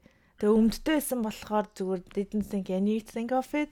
Тэгсэн чинь нэг 45 50 орчим насны нэг ах хурж ирснэ. Би чамчиг жоохон хоёр охинтой чи эмгтэй хүн шиг суум уу гэдэг ч байгаа байхгүй. Тэгээ шууд ингээд э, намайг бүр амар загнаад тэгээ тэгсэн чинь хажууд нь сууж байсан эмгтэйчүүд нь юу ч дуурахгүй байгаа байхгүй. Ингээд тэр ахыг дэмжиж байгаа юм уу? Ягаад байгаа. Тэгээд би бүр гайхаад би ингээ ёб мөб өмсөөгүй юм тэгээд нөгөө нэг юм indecent act magт үзүүлсэн юм шиг одоо нөгөө би баг тэрэнд ингээд баг masturbate дээр хийж байгаад нөгөө ах загнуулаад байгаа юм шиг санагдсан. Бүр аим сонин санагдсан заа би бүр гайхаад тэгээ би тэр ахтай цог тэр үедээ хэрэлдэж байгаа байхгүй юу? Үгүй яаж суух нь одоо яг танд яг ямар хамаатай юм бэ гэд би бүр гайхаад тэгээд тэг ингээ харахаар ингээд амар сонио би ингээд Монгол зүгээр ингээд сууж чадахгүй загнуулаад байгаа байхгүй. Ингээ тэгээ яг яах хэвтэй битггүй тэгээ Монголд одоо очиод улс орноо хөгжөөл мөгжөөл гэдэг. Тэгээ яг үнэндээ мэдлэгтэй хүмүүсээ дээш нь гаргахгүй мөртлөө ингээ одоо тэнгууд нөгөө соёлын яамны дээд нь ямар хүн гэсэн бэ? Өө байгаль байгалийн ухаан мухаанчлуу нэг тийм байгаль орчны яамны сайд нь юу спортын мастер гэсэн гэж байгаа байхгүй юу? Би вора юу позишн өөрөөж магадгүй гэхдээ that's a fact гэхгүй юу. Тэнгүүд яг ийм тэр одоо ингээд талаараа мэдлэгтэй тийм хүмүүс нь сайдуулахгүй одоо ингээд яг тухайн үедээ ингээд тэр итгэвтэй те цөөнх баригчаад ярьдаг. Эсвэл ингээд нэг за тэр айгу муухай юм бил гэдэг байна. Ер нь тэгээд ингээд юу шаардлагагүй хүмүүсийг дээшээ гаргаад байгаа байхгүй? Тим хүмүүс одоо ингээд тэнгууд одоо анхмаа хчиг ингээд мэдгтэй хүмүүс ингээд арилангууд тэр мэдлэггүй хүмүүс нь юу ихэн заагаад байгаа байхгүй? Тэнгууд үнэхээр ингээд нэг юм очоод ажиллаад үгүй гэхээр ингээд сонин юм дарамт дээрээс ирнэ ажлын бус цагаар залгана indecisive одоо шийдвэр гаргаж чадахгүйгоо амар хурдан түүхий шийдвэр гаргасныхаа дараа тэрийгэ засах гэж илүү их зардал гаргана. Ийм ийм олон ийм сул талуудаа стримлайн хийж чадахгүй жиж Монгол улсаа хөгжүүл гэж хүмүүсээс шахаад байгаа надад бас амар unfair санагддаг. Тэрийгээ шийдчихэлтэй тий. Тэр сүүлд ярьсан нөө Анука тэр нэг ах ирээд шууд хэлж гин гэдэг чинь заагалтаад. Тэрийг тэр талаас нь ярих юм бол Монгол тэр талаараа нэг талаараа гой санагдаад байгаа. Сүүлийн үед надад зүгээр бодогцсон. Хүссэн газараа очиод заргалтаад хэрүүлээ хийгээд ингээ ажиллаа болгож болоод байгаа Энд ямар нэг лайв хийж мэгээ те. Лайв хийж мэгээ тэр чинь тэгээд нэг болоод байгаа байхгүй юу? Өний нутаг тэр тэгэхээр яг ингээд заргалт нь заргал хийн заргалт нь гэхэлэр хаана хин хадгаач мэдхгүй зөв юм игээд агаач мэдгүй буруу юм игээд агаач мэдгүй тийм байдалд орчих байгаа хэцүү лээ. Сүүлд яг анх багч дээр тэрийг ярьжсэн тий. Яг тэр нь жоохон хэцүү байдаг гэд. Би сүүлд нэг жоохон скамны юм дөртөө. Тэгээд скамдуулаад дууссан. Аа тий нэг. Заргач хийж чадахгүй. Тэгээд зарах их гэж залгаад хэрэлдээд нэмэр байхгүй заа өөртөөс. Би мэдхгүй байна та ийшээ яар гэ тийшээ ярангуут. Би мэдхгүй байна та ийшээ яар гэд гөлөг төрүүлж байгаа юм шиг болол. Аха. Өстөө жоо харамсалтай бас. Гэтэ тэр зарах хийх мэг тал дээр гоё. Монголдоо сайхан заргалтаад явна шүү дээ би бол өстөө. Аа тэгэж. Тийм шүү дээ. Гэхдээ юусуугийн гэж үгэл. Тийм. Анхмагч юм хэлэхтэйсэн үү? А тий би зүгээр нөгөө монголчууд юмыг амар дээрээс нь эхлэх дуртай гэдэг тийм байна гарсан байсан шүү дээ. Ямар нэгэн асуудал гарангуут сайдтай уулзна гэж үгүйс дэрдэг гэсэн. Ерөөсөө тэр доотлын мэрэгчлэлтэн зэрэгчлэнээр зүгээр сайдтай л уулзна гэж ярьдаг гэсэн. Аа тэгэл амар хурдан шууд ЗБ-гээ дууд мод. Тий, тэгдэг тий. Мм. Тэгээ би ер нь тэр одоо англи болон монгол хүмүүсийн ялгааг энэ дээр хэлээд байгаа байхгүй юу? Монгол яг учирлын хэлсэн дээр Монгол хүмүүс ингээд хил амтай байж иж ажил нь бүтдэг гэдгсэн шүү дээ. Тэнгүүд хил амгүй хүмүүс нь хохироод үлдээддэг байхгүй. Тийм тий. Тэнгүүд аа тийм тэнгүүд хин илүү чимээ гаргаж орилж байгаа нь ялцдаг. Тэнгүүд ийм монгол хүмүүс уурлахаараа ингээд амар дуугаа өндөс гэж ярьдаг. Тэнгүүд тэр чинь амар бас муухай бүдүүлэг байхгүй юу? Яг үнэглэхэд тэнгүүд дуугаа өндөсгөх шаардлагагүй зүгээр ярьчих боломжтой юмн дээр заавал ингэж ууралж өөрийнхөө одоо зүрхийг ингээд дэлсүүлэх хэрэг байхгүй штэ. Тэнгүүд тэр нь ингээд бүхэлдээ culture нь болцсон. Тэнгүүд нэг хүн одоо жишээл амар unfair disadvantage одоо position байлаа гэж бодоход нөгөө хүнийг нь ингээл одоо загнахад одоо тэр нөгөө нэг сүлд нэг юм онлайнаар амар вайрал болоодсэн ихжсэн ш нэг багш хүн байж жилөө нөгөө нэг CEO-гийн нэг ажилтан хэвээр бөмбөрүүлээ загнана. Тэр өстэй амар өстэй Тэгснээ юу гэж аим тэр гаргаж ирсэн шүү дээ. Маслын утга гаргаж ирж ирээ. Яг яах гээд байгаа тэрнгээрээ. Би бүр гайхаа. Йоо би бүр зүгээр л ингээд үгээрээ шийдчихэлтэй тийм. Орилж байгаа нь тэнгуүтэн одоо би үйлчлэхний байгууллагт ажиллаж байсан байхгүй Монгол зонгол. Яг хоо тийм амар хүнтэй таараагүй ч гэсэндээ нэг хүн над руу орилгол юм бол би тэр өдржингөө амар сонирн болох байхгүй. Тэнгүүд ингээд тэр нь нормал болсон гэх юм уу? Одоо ингээд лаптопоосонд одоо ороод нэг хүнтэй юм ярьлаа. Тэгмэд кондуктор гिच нар амар ааштай байдаг гэсэн шүү дээ. Учирлыг нэг удаа бас э, тий уйлуулад яаллаа та. Чимхэж мэмгсэн үү юм аа. Намайг ч бүр амар л юм боловсон. Яасаа сан сан юу яалаа. Нэг уу формтой хөвчсэн чинь чи сурагч юм уу. Гэсэн ш намайг. Хоромтой яваад би 200 төгрөгөө өгсөн чинь. Чи худлаа сурагч биш оюутан царилчаад юу хуцаад байгаа ингээд намайг бүр цагнаад би уйлаад. Тэр л хөгшин царайтай сурагч байсан бай. Reality ийм л зүгээр хөгшин царайтайч байж болтгүй настай хэрвээ гээд би одоо 10 жилдээ хөгшин царайтайсан байхгүй. Тэнгүүт ингээл одоо ингээд одоо заавал тэрийг нь хэлэх ёстой ч юм шигтэй. Би одоо тарган байх бас ирэхгүй. Ягаад тэгэхээр хамаатнууд ингээд өө чи чи ямар амар таргалж авэ гэж хэлүүлнэ. Одоо ингээд нэг юм хэлэх ёстой хэлэх шаардлагагүй гэж бас байгаа шүү дээ. Тэгээ тэрийгээ бас мэддгүү байхгүй. Тэгээ би нэл стресслээдэг яг нэг л тэгээ гэхдээ гоё юмнууд байгаа шүү. Зүгээр л одоо яг стресстэй юмуд нь бол тэр байна. Тийм наа чи нэг Asian culture байдаг те. Одоо үс нөө Asian parents яадаг вэ гэлдэг амар хэм гарч ирээд байдаг шүү дээ. Яг би бинийг амар тийм шүмжилж ирээсээ тэгж энэ хүн гомдчих үедээ гэж нэг боддгоо юм шиг байгаа юм тий. Ингээ амар тийм тэрийгээ ингээд зүвтгэж байгаа нь амар сэтгэлээсээ юу ч нуухгүй баг ингээд юм а ярддаг мэрдэг ч юм уу тий. Аз хүмүүсийн small talk гэсэн чинь Юу цаг агаар сайхан байхын ярих чи турцаа юу да эсвэл харгалцаа юу да хүнтэй сууснаа гэдэг ч юм уу тийм л үнэхээр юм small talk юм байгаад байдаг. Тийм. Тэнгүүд э, турх нь одоо чи өстө турхаар гэж ингэж хэлэхээр амар хүн баярлдсан юм шиг байгаа. Гэтэ надаа Тийм. Надад болохоор тэр нэг магтаал шиг санагддггүй байхгүй юу? Одоо ингээд за яг турхаал Тийм like зүгээр л нөгөө нэг миний physical appearance дээр комент хэлэх шаардлагагүй л байхгүй. Гоё intellectual юм арил л да тий. Яг сүүлийн хийж байгаа одоо миний хийсэн судалгааг эсвэл яри эсвэл одоо миний юу сурсныг яри эсвэл миний одоо сүүлд одоо мэдхгүй ажил мажил одоо ямар хувь апдейттэй тиймэрхүү юм талаар яри л та. Заавал хүний одоо хүн хөөхөн одоо харагдчихлаа гэж заавал чи хөөхөн гэдгийг хэлэх албагүй шүү дээ. Гэхдээ зүгээр нэг тийм тэр норм болцсон гэх юм уу. Заавал тэгээд өөрөө хөөрхөн явж ивэл ягаад хүн хөөрхөн гэж хэлэхгүй байна да гэж бодож бодоод тий. Зүгээр л хөөрхөн гэдэг мэдчихэлтэй тий. Тэгээд ингээд нэг юм заавал нэм assurance хүнээс авах гээд байгаа юм уу? Яах гээд байгаа нь бас тэр жоохон санаа. Тэгээд ер нь хэцүү хэцүү. Одоо тэр нөгөө нэг юу байгаад монголчууд амар нөгөө нэг бас монголчууд зөвхөн тийм юм уу эсвэл гадаадууд бас тийм болов нөгөө Facebook тэр нэг амар харааж зүгтэг штэ. Oh my god. Нийлээс би нөгөө нэг юу яасан бэхгүй юу? Мацагтан монголчууд гэдэг нөгөө нэг групп байдаг дээ. Би тэнд ингээд амар ингээд мацаг барих зэрхын талаар ингээд мэдээлэл өгдөл авахгүй л ингээд амар хичээдэг. Одоо би өөрөөс тэрний талаар амар судал нэг хэсэг амар судалдаг байсан. Тэгэл ороод ингээд юм хүмүүс зайл ингээд явчихсан чил нэг ингээд хүн саяхан төрсэн юм аа хөхүүлээж байгаа маа мацаг ориул холоо турахгүй бол болох байлаа гэдгсэн чинь доор нь тэгэл аа хөхүүл хүн болохгүй гэж бичэл болчих юм дээр чинь чи эргүү юм уу? Чи мэдрэл муутай юм уу? Ингиж байхаар үх мүх гэж мэгэл заяа бүр тэр хүнс ингээд нэг төрсний дараах сэтгэл готрол мотрол ингээд тэрийгэл янз бүрийн юмнууд ингээд болдог гэдгийг одоо хүмүүс бүгдээрээ л мэддэг штеп. Тэгсэн ярина тэр хүнийг бүр газартаар ортол нь бүр ингээд тэгснээ бүр тэрийг нь скриншот хийгээ дахин дахин тавиад энэ малыг хараа мараа гэд тийм юм болоод би бүр амар гайхчихсан штеп. Oh my god. би яг тэрэн дээр амар гинт ингээд уншижсна уур үрснээ доор нь комент бичиж байгаа заяа би өөрөө. Та нар ч одоо хүнд зүгээр л 50 сайхнаар хэлчих болдоггүй юм уу? Заавал хүнийг хөхүүл хүнийг дөнгөж төрсөн ялах биш тэ үнийг ингэж доромжлох шаардлага байд юм уу?